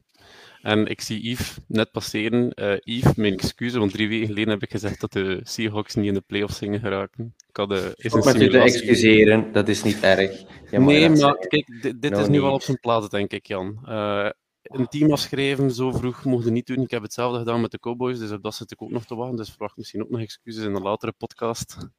Oh, Eh, my god. We have apology guy right here. Ik zou dat ook moeten doen van de Giants dan. Ik had eh, op, de voorhand, allee, op voorhand voor het seizoen gezegd dat de Giants geen enkele kans maakten om eh, Ik ga dat nooit doen. te doen. Nee, nee maar ja, samen met de Giants vind ik hen de grote verrassing in de NFC. Ehm, Ja, absoluut. Oké, dat zijn dan misschien weer wat shots onder tafel, maar eh, dat geeft, zegt misschien meer over de NFC dan over die teams zelf. Ben ik daar fout? Ja, Jens? Of wacht, A- Alexis, jij zit in, in die, ook in die eh, NFC-side natuurlijk. Ja, Jens, jij ook, ik vergeet het, de Vikings. Maar ehm, Alexis? Nee, dat klopt. Ehm, de Seahawks, ik weet niet meer juist tegen wie dat ze allemaal gespeeld hebben. Maar ik weet wel nog, eh, allee, niemand had gewoon verwacht dat Gino Smith het zo goed ging doen. Dus ehm, het is wel hun verdienst natuurlijk. Ja, Ik denk, Ja. ik denk dat het ook te maken heeft met dat, men, dat iedereen dacht van eh, die headcoach, die, eh, die heeft het niet meer allemaal op een rijtje. Die, die is klaar voor, eh, voor het bejaardentehuis. eh heeft Wilson niet meer. Dan wordt hier gewoon een volledige afgang. En dan zie je dat hij gewoon gezegd heeft, ik ga de quarterback met de beperkte talenten die hij heeft, ga ik in een scheme zetten en dingen laten doen die ons een kans geven met wat defense en dan die rookie running back die ook eh, eh, Walker zeker hè? Eh, is het Walker die Kent dan plotseling ja. toch wel een paar uitstekende wedstrijden speelt. Dus dat, dat is het wel. Hè. Ik denk, ja, Gino Smith, dat, dat is ook weer zo'n Eli Manning-achtig seizoen. Hè. Eh, Niet veel risico's nemen en, en, en op het juiste moment op de juiste knoppen duwen. En dan uiteindelijk, ja, er toch geraken. Nu, eh, ze hebben twee keer serieus op het dak gekregen van eh, de 49ers. En Dat is ook gedaan hoor. Ja. dat zal, dat zal, eh, dat zal niet, niet anders zijn. Ik denk als je een parlay moet doen met eh, eh, Seahawks en, eh, en, eh, en Miami, dan uh, ga je wel wat geld verdienen dit weekend. Ja. Yves zegt hier ook, onze rookies waren zeer goed. Vergeet Tariq Woolen niet. Ja. de in interception machine. Ja. Uh, dus op dat vlak zeker ja, hoopvol. En ze hebben een uh, top 10 uh, draftpick ook nog niet vergeten. Dankzij de Denver Broncos natuurlijk. je hebt het al aangehaald, Frans. ze spelen tegen de 49ers. Ja, ja, Yves, je mag het misschien zelf ook eens zeggen in de comments, maar geef je jezelf kans? En misschien dan, ja, hij kan niet spreken, maar iemand van onze commenters, van onze podcasters hier, geeft er iemand de Seahawks een kans in en tegen San Francisco? Ik durf geen uitspraken doen. Jens. Scary pants. Kom on, Jens, jongen. Gross. Het omgekeerde zal dat gebeuren waarschijnlijk. Dus als ik nu zeg, zo werkt dat niet. het zal een moeilijke opgave worden, sowieso. Wij worden wel de big bucks betaald om uitgesproken meningen te hebben. En het zal, het zal moeilijk worden. Je bent toch niet... Uh, Als eerstejaars krijgen wij nog niet van geld, denk ik, hoor, Frans. Ah, jullie krijgen nog niks op. Hoe heb je, is die check nog niet toegekomen? Nee, nee, nee, nee maar, uh, al zelfs. Blijkbaar in, in China of in Japan, die mensen zeggen niet nee, of het kan niet. Die zeggen het zal zeer moeilijk te verwezenlijken zijn. Dus ik wil zeker een goede commentator zijn in, uh, in China. Ze zullen nog begrijpen wat je wil zeggen. Uh, kijk, ten, tenzij dat er zo'n special teams meltdown is, of dat... nee, nee. Maar ik, ik vergeet het niet. Maar, want het is een van de wedstrijden die wij live gaan doen. Wij, wij, doen alle wedstrijden, kun je zien op Eleven Sports, live. En er zijn er drie die we ook doen. En voor het eerst weer met, met twee. Dus Jurgen als commentator en ik als analist. Wat natuurlijk nog leuker is dan alleen, omdat je dan wat back and forth hebt en dat je ook wat uh, duiding kan geven rond, uh, rond het spel. Voor mij is het zo dat dit zou een wedstrijd kunnen zijn dat de, de Seahawks het proberen te trekken, te rekken, uh, heel lang te doen voor de snap er is, uh, uh, run, run doen en, en proberen alles te doen om te beperken. En zelfs als ze dat gaan proberen, ik vraag me af als je al die wapens van de 49ers kan stoppen. Dus ik kan alleen maar hopen voor de wedstrijden, voor de spanning, dat ze ergens tot in diep in de derde quarter door gewoon tenacious te zijn en, en en, en slim om te gaan met de ballen en geen eh, turnovers te hebben om het idee te geven van dit is een wedstrijd, maar het zal zeer moeilijk zijn. Ja. Nu, Yves geeft aan, een wedstrijd duurt 60 minuten. We gingen de playoffs ook niet halen, makkelijk gaat het niet zijn. De het enige ja, waar we dan niet over gesproken wordt bij de 49ers staat wel Mr. Irrelevant als quarterback op het veld natuurlijk. Uh, Brock Purdy, de, de rookie, zevende ronde pick, uh, draft pick. Daar wordt dan niet over gesproken dat hij ja, die, die krijgt negen, de, de, de Seahawks zijn een 9 punten underdog en de 49ers dus een favoriet. Um, dat, geeft, dat zegt misschien veel over, over de 49ers als, als team, als ja, collectief. En toch ook een stukje over die Brock Purdy eigenlijk. Maar, dus je kunt uh, ook soms naar wedstrijden kijken met de All-22, dat je van bovenaf kan kijken. Ja. En wat je ziet is, in feite, als je een jonge quarterback bent, uh, uh, als je nu een first round pick bent of een, of een, een drafted rookie, het doet er niet toe of een zevende rond. Het gaat erover, kan je als quarterback de bal geven aan degene die het best geplaatst staat. En op een of andere manier lijkt Brock Purdy daar heel goed in. Hij doet de dropback en is hij de beste geplaatst, dan zet hij het eventjes op lopen. Uh, is het de, de, de, de running back die kort dichtbij staat. En heel af en toe, en dat is zo vijf, zes keer in een wedstrijd, is een van zijn diepe mannen de beste en hij ziet het ook. Hij heeft ook natuurlijk wel wat bescherming. Dus ik ben 100% er zeker van dat Shanahan niet gaat afwijken van zijn normale plan, maar hem wel zal zeggen, als het er niet is, gooi je de bal weg. Ja. Dat hij zelf niet in de voet schiet natuurlijk. Het is een, ja, nogmaals, uh, even in de, in de stream laten we een slide zien en ik zal hem voorlezen voor onze luisteraars. Uh, Brock Purdy, de laatste weken, dus sinds hij een starter is geworden, heeft hij een passer rating van 119. Daarmee is hij eerste in de NFL. Heeft 11 touchdowns gegooid. Daarmee staat hij gelijk eerste in de NFL. Um, ehm, het aantal touchdown passes per attempt 8,9%, eerste in de NFL. Het aantal passing yards per attempt 8,85, eerste in de NFL. Uiteraard, ja, het aantal wins, die hebben niks verloren. Vijf op een rij staat hij eerste in de NFL. Uh, daar sta ik toch wat van te kijken, eigenlijk. Ja, natuurlijk, Gert-Jan geeft het ook aan de CMC-trade enkele weken daarvoor. Kan wel eens een Super Bowl-winning move geweest zijn voor de 49ers. Um, en Debo is terug. Ja, die, die ook nog. Die vergeten we dan eigenlijk nog. Um, enfin, ja, dus de 49ers ja, Alexis, um, wanneer was het dat ik het ooit gezegd heb? Ja, dat ik het, ze hen het sterkste team vond in de NFC? Dat is al even geleden. Hè? Ja, inderdaad. En, en je was laatste, daar niet mee akkoord toen. De laatste weken drukte je het ook serieus door, toen dat nog spannend werd. ja. Uh, nee, dat is wel waar. Allee, ik, moet, ik moet misschien wel toegeven. Um, zeker sinds Christian McCaffrey, die bij de Niners zit. Plus Debo Samuel, um, Ayuk op receiver. En dan denk je, oké, okay, ze krijgen een backup QB, de zevende ronde pick, zal al wel minder zijn. Ja, dan doet, dan doet hij dat. Ja. Dus uh, de Niners zijn misschien inderdaad wel het team to beat in de NFC. Ja. En de defense, hè, mannen? Ja, ja, tuurlijk, tuurlijk, ja. Trouwens, Nick Bosa, die werd daar straks uh, door het PFF All-Pro team gesnapt. Dus kreeg daar geen starting plaats, maar zal normaal gezien wel Defensive Player of the Year winnen, denk ik. Um, goed, ja. Um, dan, Jan. Um, de, de, de, wedstrijd die daarna dus nog belang had. De Packers speelden toen tegen de Lions. De Lions, er was, stond niks meer voor hen op het spel. Trouwens, straks gaan we over de toekomst van de Packers spelen. Nu enkel over deze wedstrijd, als het even kan. Goh, we hebben de wedstrijd nog eens herbekeken. Weinig touchdowns. het was nu niet, niet, niet de beste wedstrijd. Er ging heel wat mis bij de Packers, ondanks kansen die er geweest waren een, um, ja, fourth en, en one die misgaat op de eigen helft, wat punten kost. En, uh, een doink, gemiste kick van Crosby van op de crossbar. Natuurlijk, het was een winderige avond daar in Green Bay. Ja. Um, het, het had kunnen, maar het had ook veel beter gemoeten. Want eigenlijk hadden de Packers zich tegen deze Lions wel voldoende moeten kunnen opladen om zich te plaatsen. Ja, het uh, algemene gevoel dat ik had, ook al tijdens de wedstrijd, was een beetje het gevoel dat Frans een beetje echoot met de Dolphins. Zo van. Ik had ook het gevoel van, stel dat het hier nu lukt en het ging allemaal ontzettend moeizaam, een beetje toch het verhaal van het seizoen, dan uh, is het sowieso over en uit in de, in de playoffs. Dit is echt niet potent genoeg. Er zitten flashes uh, van, van goede zaken in die offense, uiteraard.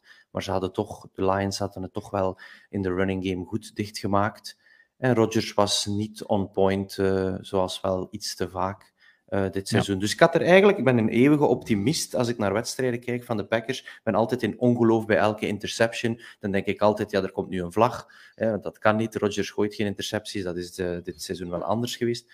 Maar het was, again, quite sloppy. Um, en dus ik had er ook geen goed gevoel bij. Het was allemaal niet goed genoeg. En zelfs hadden we gewonnen, dan was het uh, volgende week in, in, uh, bij de Niners sowieso over en uit geweest. Uh, dit ja. team heeft een break nodig. Ja, Oké, okay, en daar kunnen we dan straks meer over praten in de two-minute defense van de Packers. Uh, over het stukje van de Lions, ja, ik vind het jammer dat ze zich niet geplaatst hebben. Tuurlijk, dus uh, America's dan... Darlings een beetje nu. Hè. Ja, ja. van, de, van Amerika bijna. Zeker ook nog jammer omdat de Seahawks nog bijna verliezen, waardoor als de Lions ja. dan winnen tegen de Packers, dan zitten ze er al in. Ja, maar dus ja, ook, ook, de Lions liggen eruit en gaan we straks uh, even kunnen beweren ook. Ik denk dat dat wel te doen is. Uh, dat hebben we al anderen gehad. Um, maar ja, zij verliezen natuurlijk hun, hun playoff plaats met hun verlies tegen, de, tegen de, de Carolina Panthers. En Jan, misschien dan nog die wedstrijd wat ik dan niet begrijp. Tegen Carolina krijgen ze meer dan 300 running yards om de oren en een team met Aaron Jones en met AJ Dillon in zijn rangen lukt het dan niet om dat team aan gort te lopen. Wat ik natuurlijk niet weet van de wedstrijd van Carolina is in hoeverre dat ze daar respect hadden voor de run of net anders gingen spelen, terwijl dat het hier wel duidelijk de bedoeling was om die one-two punch van de Packers te proberen af te stoppen. En dat is een ten dele gelukt. Het was niet, het was niet schandalig slecht op de run, maar het, was wel, het heeft niet genoeg gedaan om, om, om de play-action goed op te, op te zetten. Dus het, dat inderdaad, het was gewoon ook net niet genoeg van, van onze running backs. Maar ik, ik weet niet of je altijd twee wedstrijden perfect kan vergelijken, want je weet niet wat het gameplan is van de Lions bij de Panthers dan wel bij de Packers. In dit geval Lions, niet, want... De Lions staan er ook al van geleerd in, van die fouten. En er echt op gehamerd hebben van, kijk, het is wel tegen Dylan en Jones deze keer, maakt dat dat niet nog een keer gebeurt. En het was het vriesweekend in Carolina. Het moment dat de Amerika daar die sneeuwstorm had. Dus dat was ook dat weekend outdoors. Allee, we hebben het in de podcast na die week dan ook aangehaald. Misschien zijn mensen minder happig om te tackelen kan ook eh, ervoor gezorgd hebben dat die, Ja. die running yards... Het was Het min kan. 10, hè? Of het was 5, zei Jens, in eh, Green Bay, die wedstrijd. Het was min 5 of zo. Dus het was ook wel echt ontzettend. Het was 24, dus dat is al, ja, het was ook wel ontzettend koud. Dus het was een beetje een combinatie van de verschillende zaken. Ja. Maar eh, los van, los van eh, ja, hoe sterk de teams zijn, eh, het was in Green Bay, als je dan die laatste 10, 12 minuten ziet van de wedstrijd, en je ziet wat Goff doet, en je ziet wat, eh wat Rodgers doet, dit, dit zou je toch nooit hebben kunnen eh, ergens beschrijven in het begin van het seizoen.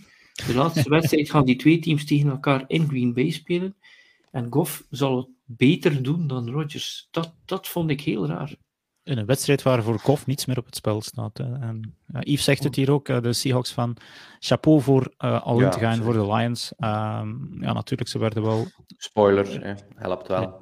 redelijk Ja, ze hadden toch iets om voor te spelen. Ik bedoel, vroeger, als je bijvoorbeeld 8-8 eindigde, ja, dan was het eh, 8-8. Nu, als je 8-8 staat en je hebt die laatste wedstrijd, ja, 9 en 8, dat is helemaal anders. Hè? Ja. Je moet al een, een taai hebben om 8-8 en 1 te zijn. Dus ik, ik denk dat je altijd gaat ervoor gaan hoor, voor, die, voor die winning records. Eh, ben je nu headcoach? Ben je nu... Ja. En ook Ja. als je de kans hebt om een divisierival uit de playoffs te houden, dan doe je dat ook. Allee, Zou wel moesten de Vikings Ja, dat kunnen doen tegen een andere divisierival, ik zou ook willen dat ze all-out gaan. Ja. Maar dat, ja, dat ze is hebben wel- ook... ja. ja.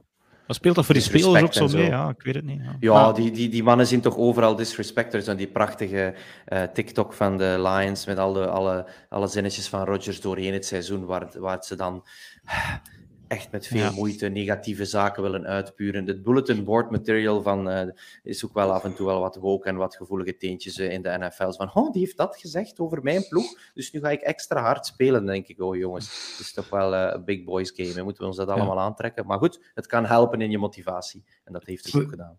Wat je ook wel heel speciaal is in de NFL, vroeger was dat niet, dat is nog maar de laatste jaren, dus mensen die nog niet lang de NFL volgen, die denken waarschijnlijk dat het altijd zo geweest is.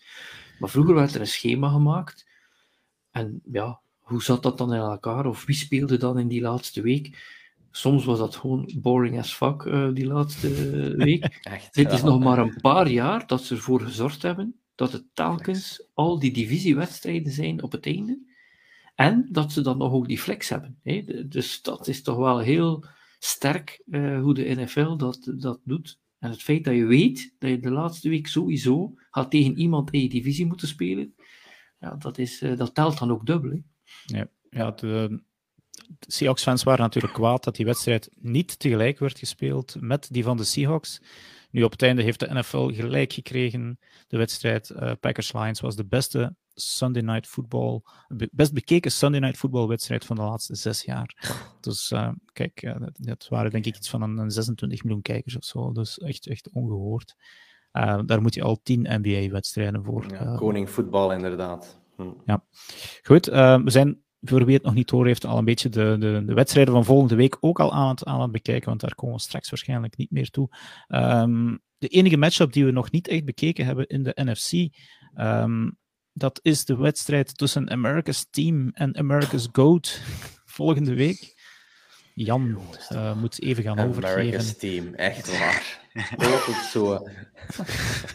Voor wie nieuw is met American football, America's team is natuurlijk de Dallas Cowboys en America's GOAT is natuurlijk Tom Brady en de Buccaneers. Zij Dat is spelen terecht. Ja, volgende week ehm, op Monday Night Football is dat eigenlijk. Dus dat is weer een deel van die ehm, Super Wildcard weekend. Dus dat gaan we waarschijnlijk niet live kunnen meepikken. Eh, spelen de Cowboys, eh, komen op bezoek bij de Buccaneers. Eh, de Cowboys zijn daar favoriet.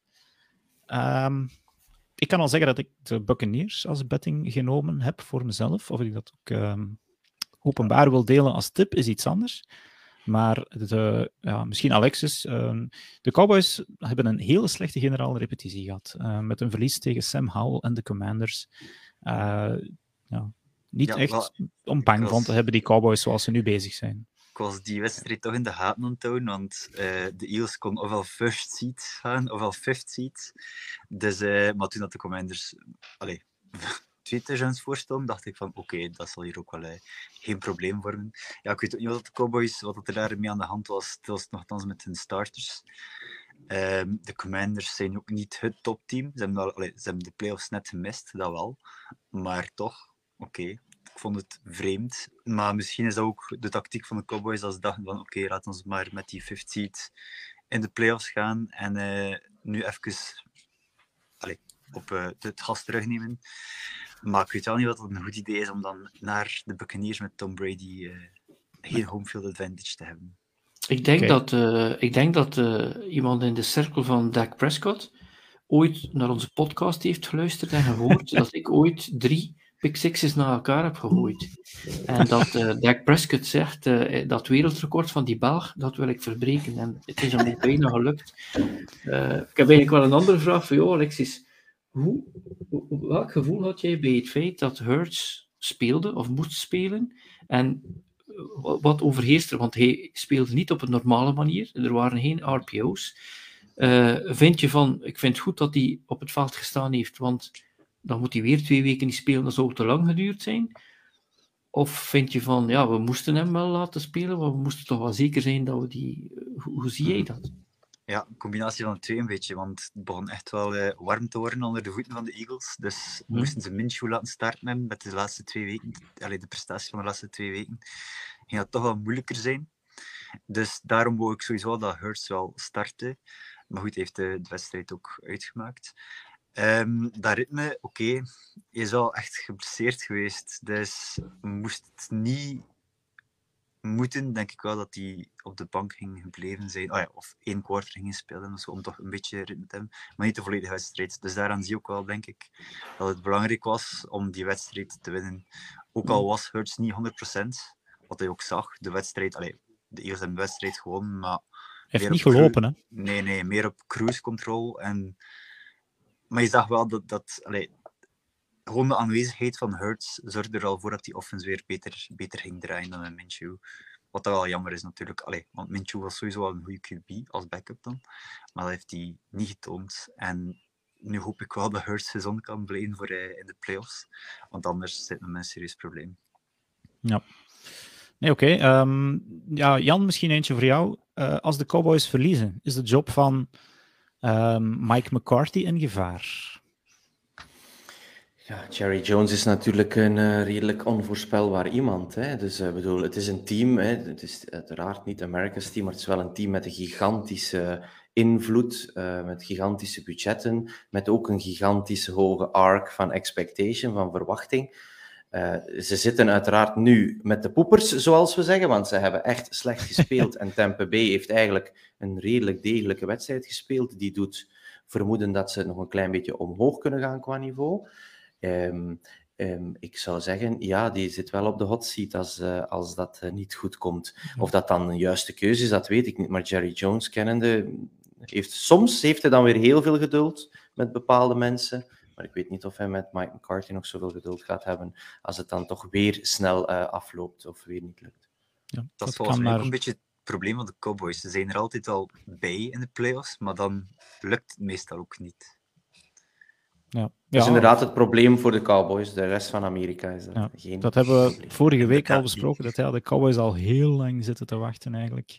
Eh, op nog eens playoff succes. Hopelijk voor Jerry Jones, nog voordat hij zijn... ehm, enfin, de- Pijp aan Maarten. en- Ja, zoiets. Ja. Ehm, goed, eh, de, de enige wedstrijd van volgende week dat we het dan nog niet over gehad hebben, dat is Giants tegen Vikings. Giants die eigenlijk ehm, er, er niet, voor, eh, niet voor meer voor moesten spelen. Maar eh, ook zij zaten toch nog in een, een redelijke positieve flow als een van de weinige teams, eh, moet, ik, moet ik zeggen.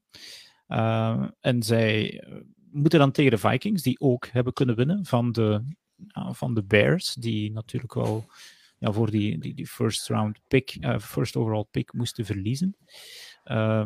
Giants gaan waardig onderuit met hun second stringers tegen de Eagles. Eh, Jens, volgende week ontvangen jullie de Giants. Ehm, ja, je, je, je, durft blijkbaar niet echt eh, vooruitkijken naar wedstrijden van andere teams. Eh, ik zal al maar zeggen dat ik deze wedstrijd de Giants genomen heb, ondanks dat ze drie punt underdogs zijn. Holy damn. Jens has left the call.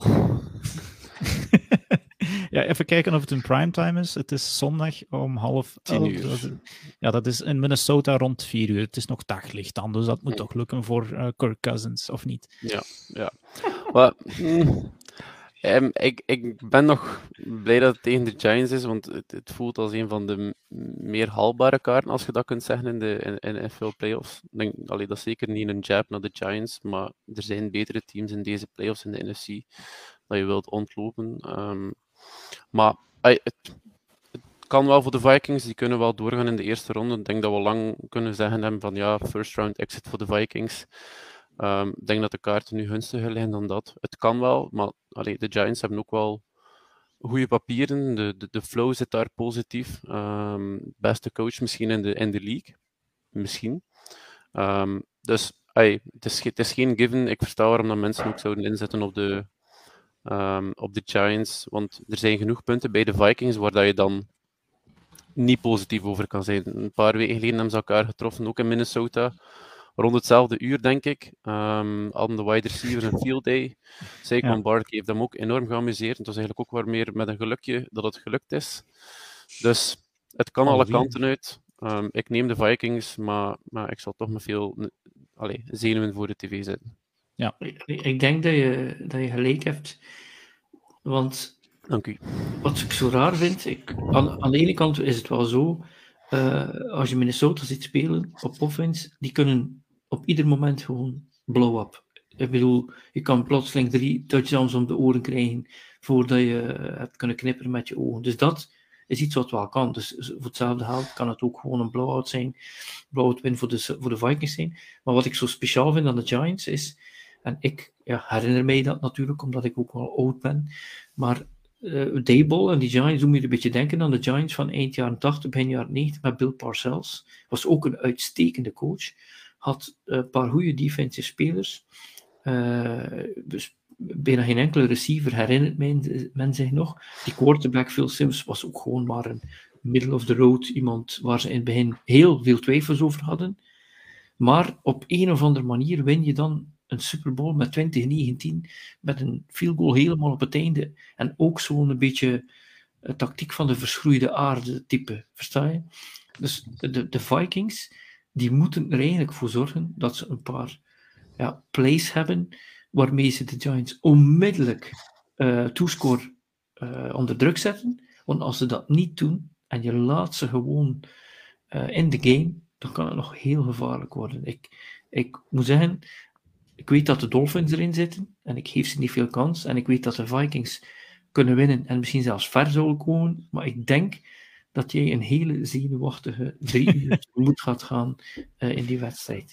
Ik kan ook gewoon gaan slapen. Hè. Eh, ik moet, moet, moet werken zonderdaags, ga wel kijken de avond. Dat Nee, nee, nee, nee, nee. Jij zit om half elf zondagavond voor de buis. Dat kan niet, hè, als fan. Kom op, man. Ja, Frans, Dus doe jij toevallig van- die wedstrijd eh, op Eleven Sports? Ja, wij doen, eh, alle wedstrijden worden live uitgezonden, maar wij doen eh, zaterdagavond doen wij eh, Seattle, San Francisco. Ja, Dan top. doen wij eh, zondagavond Miami Buffalo en eh, daarna doen we dan de Giants Minnesota in, duo, in duo. Ja, ja. krijg Mooie- ik een shout-out als de. Vikings winnen. Jan, eh, eh, het is heel simpel. Ik, ik, ik, het is heel simpel. Ik zeg het ook iedere week tegen jullie. Als, je, als de wedstrijd begint, dan ga je naar de AFC, naar de Eleven Sports NFL pagina. Daar staat altijd, dit is de, pa- de, de, de, de post van de wedstrijd. Je kunt hier vragen stellen of opmerkingen maken. Ja. En dan is het moment voor jullie om wild te gaan en van alles maar te zeggen en te vragen. En dan kan ik reageren. Voilà, Ik ga kijk. je knop eh, proberen in te drukken tijdens de, uitzending. Dat kan nog een keer plezant worden. Je kan bijvoorbeeld zeggen, eh, als je 41-3 voor staat, Frans, ik heb je al op een podcast horen zeggen dat ik een ze- eh, zenuwachtige wedstrijd zou hebben. Wat zeg je nu? Ja, dan zeg ik, ik eh, eh, I apologize. Oké. Ah ja. Dat is mijn, dat is mijn zinnetje. Ah, ja. No apologies, we gaan verder met deze podcast. Ehm, dat waren dus, de, zowat de, de- ja, alle wedstrijden dan die volgend weekend gaan komen. We hebben het al besproken in de wedstrijd die ze dit weekend gespeeld hebben. Nogmaals voor de NFC. Dus Seahawks 49ers zaterdagavond om half elf. Ook te volgen dus op 11 Sports. Eh, Giants Vikings ook eh, z- zondagavond dan half elf. Ook op 11 Sports. Eh, en dan de laatste NFC-wedstrijd is Cowboys Buccaneers maandag nacht eh, om kwart na twee s'nachts, dinsdagochtend dus eigenlijk. Ik heb wel Eh, nog een vraag voor de, voor de twee Packers-fans. Dus Oei, ja. laten we zeggen dat we in, in die volgorde, eh, Alexis 1, Jens 2 en ik zelf 3, dat dat een beetje de volgorde is van hoe ver wij denken dat onze teams kunnen geraken. Ik denk dat dat Ah, wel ja. zo mag zijn. Maar jullie, die Packers-fans zijn, welk team zeg je van, ja, als ik nu, daar kan ik wel achter staan, die zou ik wel willen zien all the way gaan. Van Is er i- teams? Nee, die- Ah. Dirk en, en Jan, jullie hebben nu eigenlijk je team niet meer. Ja. Maar wie denk je dan van, ja, maar daar ga ik dan wel eens voor supporteren? Of, of die, die, die wil ik wel zien winnen. Ja, maar dan gaat het over de gunfactor. dat is, Maar ja, ik zou zeggen, eh, in de, de, de Bengals zijn zo wel sneaky goed eigenlijk. En een beetje onder de radar van die altijd flashy Chiefs. Eh, maar ja, ik zou dan inderdaad zo voor een Bengals-Niners, en nu ben ik, moet ik wel toegeven, eh, ik, ik hou wel van de Bay Area ook. Ja, de Niners kunnen mij wel charmeren met dat Mhm. mooie verhaal van Purdy.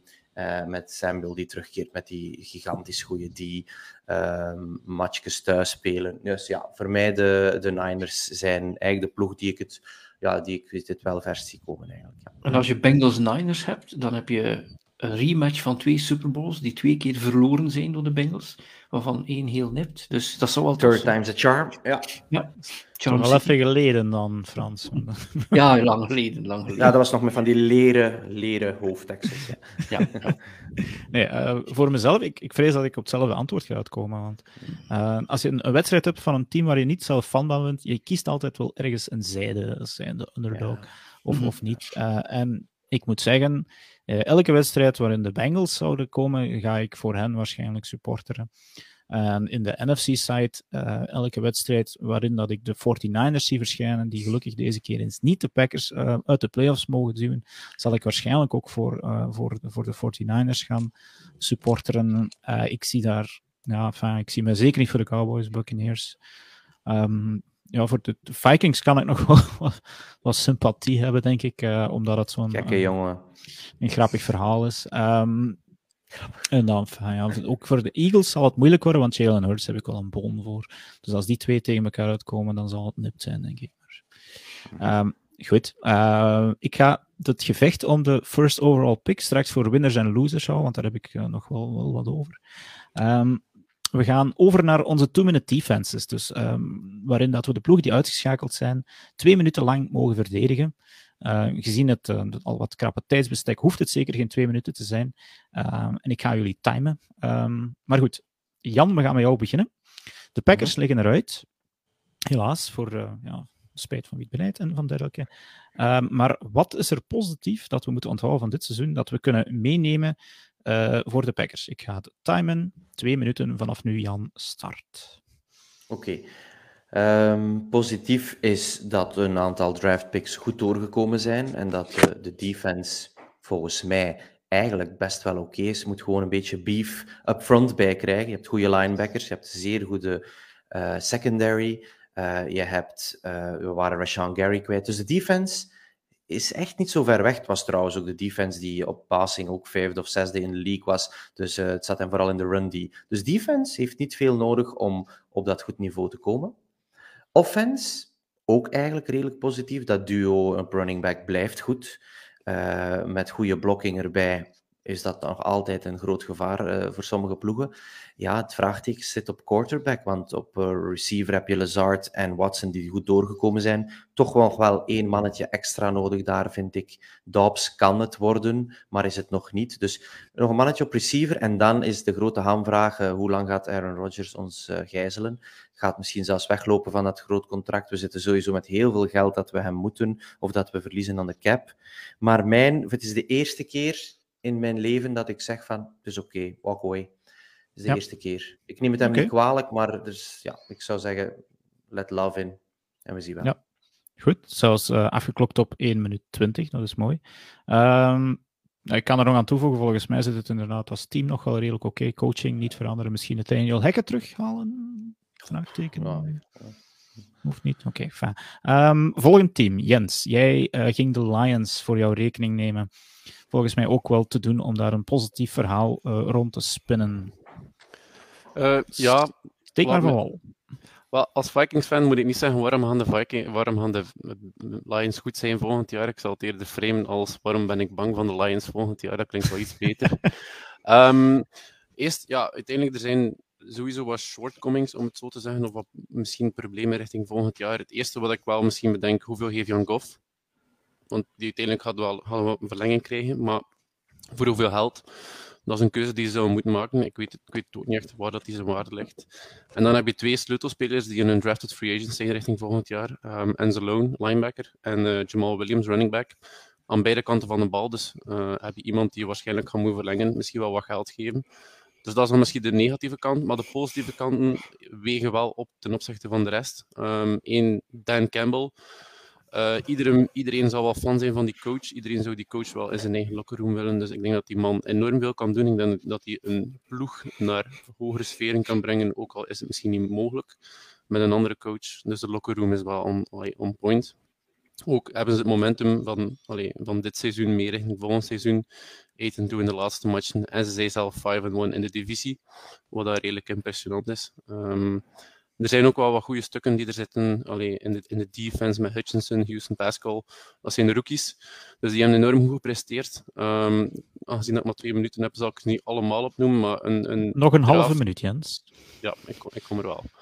Uh, een draft vorig jaar was zeer goed, dus dat zal ook in de volgende seizoenen positief zijn. Ze hebben ook picks 6 en 18 in de eerste ronde. Dus allee, hebben ze genoeg picks uh, in de eerste ronde om hun shortcomings uh, op te heffen. Um, dat zal dan vooral de secondary zijn, wat dan nu ook toevallig een zeer brede klas is dit jaar. Dus genoeg ja. punten om positief over te zijn met de Lions. Oké, okay, goed. Onder de twee minuten, dat is mooi. Um, we hebben nog over Steelers, Patriots, Titans. Um, zijn daar vrijwilligers voor? Anders neem ik ze wel voor een rekening. Ik wil misschien wel de Titans proberen. Ja, dat is degene die ik zeker niet zou willen doen. Dus, uh... Prachtig. Wat een team, wat een team. Komt dat zien. Toegerust, Jens. Uh, twee minuten mag het gaan over de positieve punten van de Tennessee Titans. Doe maar, Lexie. ik zal beginnen met de eerste een paar negatieve puntjes op te noemen. Dus natuurlijk de QB-situatie is nog altijd een groot vraagteken in Tennessee, ondanks dat ze vorig jaar uh, een QB gedraft hebben met een, een Malik Willis. Uh, maar ze zijn natuurlijk nog altijd Derrick Henry en Traylon Burks op wide receiver, die toch al mooie dingen getoond heeft dit jaar. Hun defense is ook niet niet zo slecht. Er zijn al positieve punten in. En ze hebben genoeg draftpicks om daar dan uh, eigenlijk iets mee te doen en dat team terug op te bouwen dat, is, uh, hoe dat eigenlijk zou moeten zijn. Uh, Mike Vrabel is zeker geen slechte coach. Dat heeft hij de afgelopen jaren wel bewezen, denk ik. dit jaar natuurlijk, oké, van 7-3 en dan 7 straight games verliezen, dat is wel minder. Maar ja, ik denk dat je dat eerder moet zien als een, een uitzondering op op de kwaliteiten van Vrabel en zijn ja, team de komende jaren. Ja, oké. Dat was een minuutje, dat is zeer goed. Uh, ik ga uh, even kijken wie dat er nog overschiet. De Steelers. Uh, ik zal ik die even voor mijn rekening nemen. Voor mezelf ook de klok zetten. De Pittsburgh Steelers hebben ja, voorals een winnend seizoen gehad, ondanks dat ze zich dus niet hebben kunnen plaatsen voor de playoffs, want ze verloren. Uh, nee, ze wonnen hun laatste wedstrijd, maar uh, omdat de Dolphins hun wedstrijd wonnen, ze plaatsen zich niet voor de playoffs en kunnen ze toch hun seizoen positief afsluiten met een 9 en 8. Zeer positief is dat hun rookie quarterback met de niet al te grote handen, Kenny Pickett, uh, er op het einde redelijk goed doorkwam. Um, zeer positief is dat zij een, um, Chase Claypool hebben kunnen doorsluizen uh, naar de Chicago Bears voor een second round pick. En die second round pick is zomaar eventjes de eerste pick van de tweede ronde geworden, omdat de Bears natuurlijk de first overall pick hebben. Een grote win voor de Steelers. Um, daarnaast hebben ze nog steeds een van de betere verdedigers van de NFL met TJ Watt. Ehm, daarnaast ook nog Cameron Hayward en Minka Fitzpatrick. Dus die defense die staat er nog wel steeds. En volgens mij ehm, is, is er iemand serieus onder de radar gevlogen dit jaar met Deontay Johnson, die zeer veel yards heeft gehaald, maar geen touchdowns, nul. Ehm, wat zeer verrassend is. En daarnaast hebben ze met uh, Pickens ook nog een goede rookie opgepikt. Ehm, dus volgens mij ziet het er vrij goed uit bij de Pittsburgh Steelers. Een zeer goede coach, zeer belangrijk in Mike Tomlin. Ehm, dus ja, ik denk dat het uh, de pijl naar boven wijst voor de Steelers, wat ik eigenlijk niet verwacht had, eerlijk gezegd. Um, schiet nog over, New England Patriots. Heeft daar Kom iemand... Frans. Kom on, Frans. Bill Belichick, stop de klok. ja, ik bedoel, zolang uh, Belichick daar is, uh, heb je altijd wel een kans. Um, ja. Oei, de bril uh, moet af. Ja. Running back is niet zo slecht. Romandre Stevenson. Romandre ja. Stevenson. Um, Toch defense, Judon is toch ook uh, een van de betere. Ja, heb ik klopt, zo zeker, indruk. Ja. Maar er is natuurlijk iets. Uh, ik bedoel, op een of andere manier is het alles wat uh, Belichick aanraakt, is gold. Uh, het enige wat dus blijkbaar toch niet lukt, is dat je een defensive coordinator of een ex-defensive coach offensive coordinator maakt. Zeker niet nadat je jaren McDaniels hebt gehad, die blijkbaar toch wel een hele goede uh, offensive coordinator was. Dus dat, dat experiment is mislukt. En ik heb zo de indruk dat Belichick zal willen blijven coachen totdat hij het absolute record heeft. Ik denk dat hij daar nog één jaar voor moet coachen. Um, en de vraag is natuurlijk, zijn ze nu overtuigd van het feit dat Mac Jones uh, the way forward is? Dat is eigenlijk de grote vraag uh, naar de ja. toekomst toe voor dat team. Um, dus ja, want ik heb veel wedstrijden van hen gezien waar ik dacht, in de kern zit daar wel nog altijd een team die in iedere matchup of iedere wedstrijd een kans maakt. En dat had dan te maken met uh, een wedstrijd waar uitstekend defense gespeeld wordt. Af en toe, special teams ook is goed. Soms dat de offense klikte. En ook altijd weer dat spel waarin Belichick altijd 100% weet wat het andere team kan en niet kan en dat probeert uit te buiten. Dus zolang ze dat hebben, maken die natuurlijk wel een kans om dichtbij of in de playoffs te geraken. Maar je mist daar een paar dingen. Dus offensive coordinator moet er komen. Uh, en zeker, ja, ik heb toch zo vermoeden dat je toch een, een top wide receiver moet draften ja. of binnenhalen, of zelfs twee. Daar moet iets gebeuren om dan toch wel te kunnen toetsen als Mac Jones, uh, laten we zeggen, een top 15 wide receiver heeft, als het dan ook allemaal plotseling veel gemakkelijker gaat voor hem. Dus ja. ik denk dat, dat, dat, dat, dat het daar wel ligt. Twee minuten en een half, oké. Okay. Um, ik denk dat het toch wel uh, goed. Er waren positieve punten te onthouden, zeker van de teams uh, die deze week uitgeschakeld zijn. Vorige week was dat uh, in mijn ogen een pak moeilijker. Um, dan gaan we onze andere rubriekjes nog kort aanhalen. Uh, Fantasy Frans, hebben wij een winnaar van onze pick'em? Ja, dat is Alexander van de AFCB-redactie. Ik denk dat het tweede jaar aan elkaar is. 10, 10 of 10 punten of 9 punten voor de tweede, Murat Oçak en Lou Basman. Lou Basman, de, de top uh, Jags van, ja. fan van, de, van de Jacksonville Jaguars.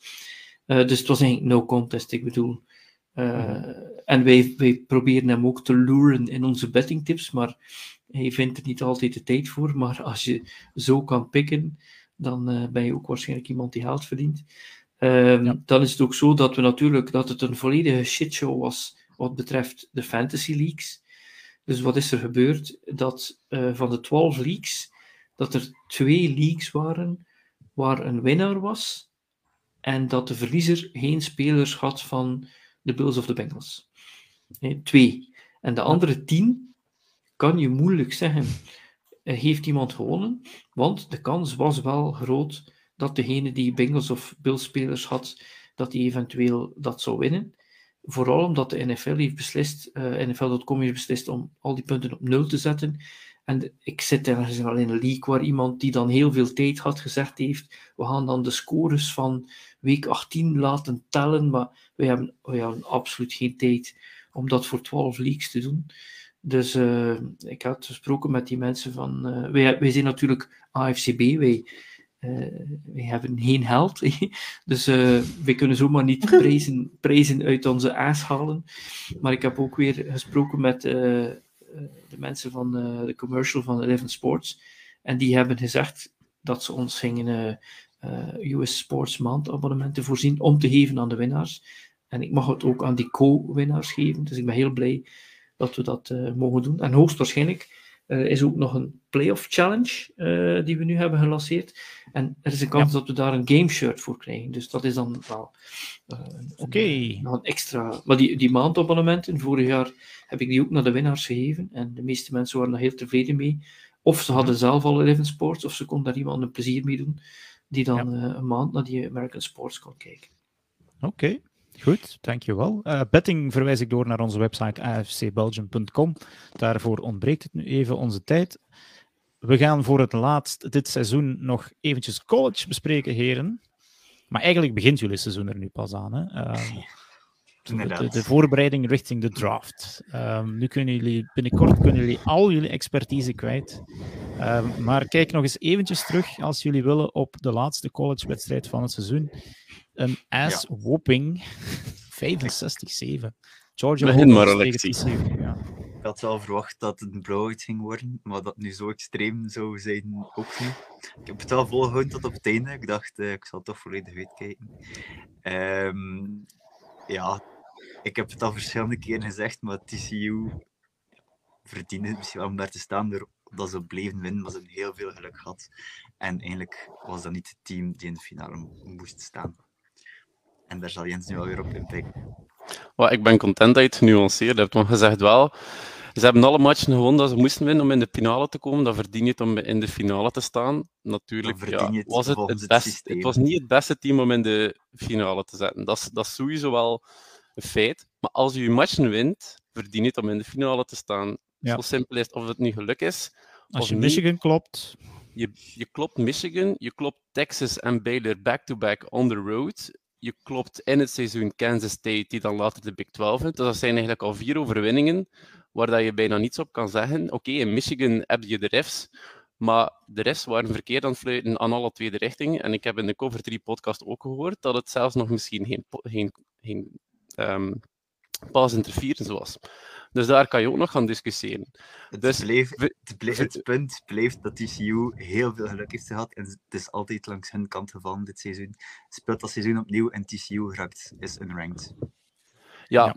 maar dat zal helaas niet gebeuren. TCU zitten zat nu in die finale. Volgend jaar zullen ze er wel niet in staan. Allee, ik En denk dat, dat, dat, de- probleem zal je minder hebben dan een 12-team playoff, want TCU zal er, zou er vroeger uitgefilterd worden. Dat zou wel goed kunnen, maar dan, allee, dan kunnen we terug beginnen discussiëren over, een, eh, over de playoffs. Ik denk dat we een andere podcast gaan nodig hebben, of, of het 12-team of 8-team playoff is. Sorry Dirk, we zijn uw, uw podcast wel aan het Oh, kamen. met, met onze discussies. Ehm, maar uiteindelijk, wat, wat ik wel nog wil zeggen, en we, we kunnen babbelen over TCU, al wat we willen, maar ehm, ik denk dat we misschien ook nog na, de, allee, na deze finale wat respect moeten geven aan Stetson Bennett. Ehm, ik denk dat we nu de beste Georgia quarterback in de geschiedenis hebben gezien. Ehm, er wordt al gesproken over eh, College Football Hall of Fame. Ja, klopt inderdaad. Uiteindelijk het is een volledig andere discussie of Stetson Bennett in de, in, in, in de hoort. Maar het, het verhaal van Stetson Bennett is, enkel en, is meer dan, dan wat dat we nu eh, lezen voor de draft. Want wat dat die persoon of wat die mens heeft gedaan om tot op deze plaats te komen, back-to-back champions, wat dat er nog maar vijf gedaan hebben de afgelopen zoveel jaar. Ehm, 120. voilà. ja, die, is, eh, die, is, die had gecommit naar ehm, Georgia? Georgia. Dan heeft Justin Fields ook gecommit. Heeft hij gedecommit, is hij naar een of andere kleine school gegaan. Ehm, ik weet zelfs niet Juco, of- ja. ja, Ja, het is gewoon junior college, dus eigenlijk zelfs geen bekende. Nee. En dan is hij na één jaar of na twee jaar is hij dan teruggekeerd naar Ohio State, eh, naar eh, Georgia, omdat eh, Fields dan eh, niet de quarterback meer was. Ehm, heeft hij daar eh, de tweede spot moeten innemen, of zelfs de derde spot even. Door blessures is hij dan aan, als starter erin gekomen, heeft hij uh, in zijn eerste seizoen goed en gedegen gespeeld, heeft hij dan de, de starting job gewonnen in, in het off-season en heeft hij gewoon back-to-back uh, championships gewonnen voor Georgia. Dus wat dat die man gepresteerd heeft, dat, dat verdient gewoon alle respect. Komt hij in de NFL? Die komt in de NFL als backup, inderdaad. Maar het is wel een backup die ik zou willen hebben. Want uiteindelijk, hij, hij is niet de snelste. Um, hij is niet de grootste. Hij is zelfs een van de kleinste. Ik denk dat hij 5'10 is. Uh, 190 pond. Um, nat. Dus hey, dat, is niet de, dat is niet de beste prospect dat je kan hebben. Hij is niet de, niet de meest atletische voor die, ja. allee, voor die measurables. Um, hij, hij heeft wat problemen met type ballen. Maar wat hij wel vrij goed kan, is een, uh, een playbook krijgen en dan het beste daarvan maken en een leider zijn in een kleedkamer. Wat dat volgens mij ideale kwaliteiten zijn als backup. En dan wil ik het wel nog eens zien als hij komt toevallig op een team die, um, die wel aan het struggelen is richting het einde van het seizoen, um, die nog een, een, met de backup zal gaan spelen, dan wil ik wel zien hoe dat Stetson Bennett zal doen met die ploeg. Ja. Allee, Jens, ik ga het heel kort zeggen. Als je zo klein zit en je bent niet zo mobile, die, heb je die O-linemen in de NFL al eens gezien en het verschil dat dat nog eens is met college? Daar geloof ik nu echt niet in dat hij dan echt dat die potten kan breken. Ik ben wel gecharmeerd door zijn verhaal nu, maar even, de, het verschil, je weet dat er per team van die, van die college maar een paar in de NFL komen. Als je dan zo er elf tegen jou hebt en je hebt dan nog eens vijf van die beren voor je staan en je bent niet zo mobile als een Murray of een, of een Russell Wilson in zijn goede dagen, dat, dat, dat, vond, ik, dat vond ik erover. Moest het zeggen, sorry. Ik zie je nog Nee, graag. Nee, goed. We zullen ja, ik zien. ga sorry zeggen, sorry. we zullen zien waar Stetson Bennett terechtkomt. Uh, Jens en Alexis, ik zeg het, de komende weken en maanden kunnen jullie tape gaan crunchen in de voorbereiding naar de draft. Uh, ergens in april. Dat zal dan er wel aan toevoegen, Stetson Bennett heeft gisteren wel twee rushing touchdowns binnen. Untouched. Ah, Ja, van de 65 untouched. punten zullen er wel een paar rushing touchdowns sorry. TCU was gewoon outschemed in die match. Dus Ja. het is normaal dat die, dat die kerel alles kan binnenlopen. Maar als ze zien welke rushing touchdowns dat hij had, ay, TCU stond echt nog niet... Die, die Die stonden zelfs niet te kijken naar Bennett. Ik denk dat er een paar mensen de touchdown van Bennett niet gezien hebben op het veld. Die, die eerste touchdown dat hij binnenloopt, inderdaad. Dus TCU defense dacht, oei, ze gaan beginnen. Shit. en dan was het zo. Mhm. Oké, ja, we komen bij jullie zeker dus nog terug in de komende podcast. Zeker die na de Super Bowl. Eh, dan worden jullie het, eh, het speerpunt zelfs. Dus ehm lopen jullie al maar warm tegen dan. Eh, we gaan deze podcast afsluiten met winners en losers. Die er volgens mij voldoende zijn. Eh, ik ga het rondje even rondgaan. Eh, Jens, jij zit bij mij eerst. Noem eens een winnaar. Ehm, een winnaar. Ik ben hier niet echt op voorbereid, dat zal ik wel zeggen. Het is zo last minute. Ehm, een winnaar. Eh, doe, doe eerst de volgende, kom bij mij terug. Ik wil Ja, een geformuleerd, eh, goed antwoord kunnen formuleren. Alexis, een winnaar. Eh, de Seahawks. Ze Ja. moesten rekenen dat de Lions gingen winnen en zelf winnen. En ze winnen dan zelf op een spectaculaire, ah ja, spannende manier. Dus voor mij is ze misschien wel de winnaar van het weekend. Ja, ik heb tien winnaars en de Seahawks staan ertussen, dus die gaan eruit. Ehm, Jan, winnaar. Eh, winnaar, ja, ik, had, zou ook de Seahawks gezegd hebben. Natuurlijk kun je ook de Dolphins zijn, zo de twee ploegen die eh beep beep achteruit de playoffs een beetje ingekomen zijn. Dus dat is, ben je sowieso wel een winnaar. Anders misschien toch wel de Bears met het feit dat ze dan toch na dit seizoen misschien het luxe probleem hebben. Kunnen ze voor Bryce Young gaan of niet? Gaan, wat gaan ze doen met Justin Fields? Dus het feit dat ze daar die, eh, die positie dan toch nog in de schoot geworpen hebben gekregen, kan misschien nog wel een positief verhaal zijn. Ook die winnaar kan ik bij mij wegstrepen. Frans, had jij een winnaar? Ja, ik denk toch Jacksonville. Ehm, je speelt eh, in week 18 eigenlijk een soort eh, playoff wedstrijd. Je wint dan je divisie tegen een team die het al een paar jaar eh, onder controle had. En dat doe je een jaar nadat je 3 en 14 was. Dus voor mij Jacksonville de winnaar van de week. Oké, die had ik niet. Ik zal zeggen wat ik nog had staan. Demar Hamlin, omdat hij het overleefd heeft. De Steelers, omdat ze weer een winning season hebben. Daniel Jones, omdat hij in zijn fifth year rookie eh, toch nog ja, in de playoffs terechtkomt. Zijn vierde jaar is het, denk ik. Lovie Smith, die zijn eh, huidig team de dag voordat hij ontslagen wordt een kloot kan aftrekken door zich de Texans toch nog naar de winst te, te slepen en zo de Texans hun first overall pick af te nemen. Eh, de Lions, omdat niemand het verwacht had. De Packers, omdat ze niet tegen de 49ers moeten in de playoffs. Dus ja, dat waren mijn winnaars. Eh, Jens, Heb je, nog iets, er- heb je nog iets overgelaten voor Jens? Oh ja, ik was hem vergeten. Jens. Wel, ik, ga erop, eh, ik ga erop verder bouwen, want ik had eigenlijk wel, allee, toen ik de two minute defense aan het voorbereiden was, had ik ook wel het gevoel dat de, dat de Lions als winnaar uit dat wel zijn gekomen, ook met, met, met oog op verdere, eh, verdere maanden. Nu wordt het opeens, allee, is het momentum volledig aan hun kant en is Detroit opeens een, ah, allee, ik zou niet zeggen aangename, maar aantrekkelijke bestemming geworden voor eh, allee, mannen die op zoek zijn naar een nieuwe ploeg en, en, en die geïnteresseerd zijn in eventueel een ploeg die vibe. Dus ik denk wel dat de, ehm, dat de Lions daar met één match te winnen meerdere eh, winsten hebben behaald. Oké, losers dan. Ik ga niet beginnen bij Jens, die kan zich eerst nog voorbereiden. Eh, Alexis. Eh, ja, sorry eh, Dirk en Jan, maar dat zijn de Packers. Ja. Die hadden alles zelf in hand voor de playoffs en dan verliezen ze tegen de Lions thuis in. Had ik heel dat kan ik niet Dus, genoteerd, Dat maar goed, ja, losers we- van het weekend. dat mag. Eh, Jan, loser. Ja, de Cowboys die een slechte generale repetitie doen. Ja, gewoon Toch nog omdat lach je in met de- Cowboys. Goed, ja. Nee, dus niet, niet lachen. Het is gewoon echt een gemiste kans om, eh, om met vertrouwen naar die eh playoffs te vertrekken. Frans.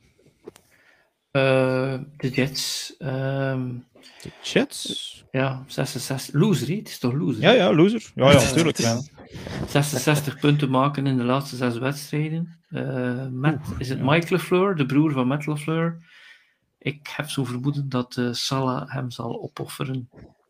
Want al wat je had moeten doen was één of twee wedstrijden iets van offense hebben. En dan had je zelfs een kans om, om in de playoffs te komen. Oké. eh, eh, sorry. ehm, Jens, heb jij een loser kunnen vinden nog? Ja, ik had die eigenlijk wel al op oog voor de podcast Brandon Staley.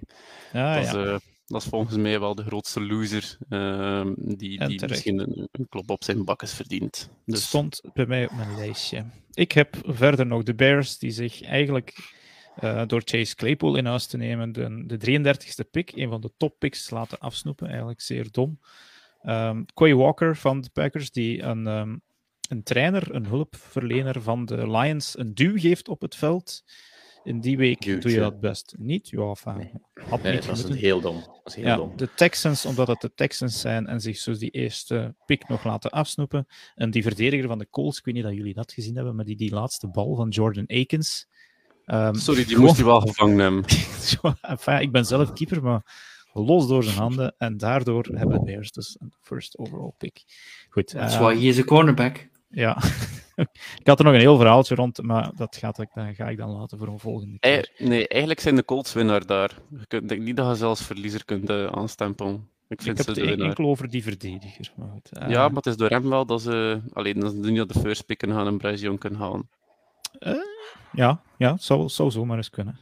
Ehm, goed, ik ga hier afsluiten. Ik wil nog één nieuwtje meegeven. We zitten op TikTok, op TikTok boven de duizend gebruikers. Ehm, waarvoor dank. Eh, daarvoor kunnen we een aantal dingen unlocken. Dank Eh, u, Rijn. Ja, jullie mogen nog steeds eh, al onze, ja, waar wij aanwezig zijn, liken, sharen, Facebook, Instagram, deze podcast, TikTok dus, wherever you may find us. 11 Sports kan u Frans elke week aanhoren tegenwoordig. Kijk daar ook zeker naar. Ehm, en dan wil ik jullie verder nog allemaal bedanken, heren, om mee te doen. Ja, Graag. graag gedaan. En trouwens, bij 2000 volgers op TikTok zullen ik en Alexie geld beginnen verdienen. Dus zeker Ja? volgen. Ja, ik heb dat gehoord van eh, een anonieme persoon. Ik kan het nu niet zeggen. Maar Oké, eh, ja, een intrigue nog op het einde van deze podcast. Verder wil ik dan nog de luisteraars bedanken om te luisteren, de kijkers. Eh, sommigen hebben het heel de rit volgehouden, 1 uur 40 minuten lang. De volgende podcast zullen wat korter zijn, want er zijn gewoon minder wedstrijden. En dan horen we jullie, ehm, nee, horen jullie Alsof er dan minder geluld wordt.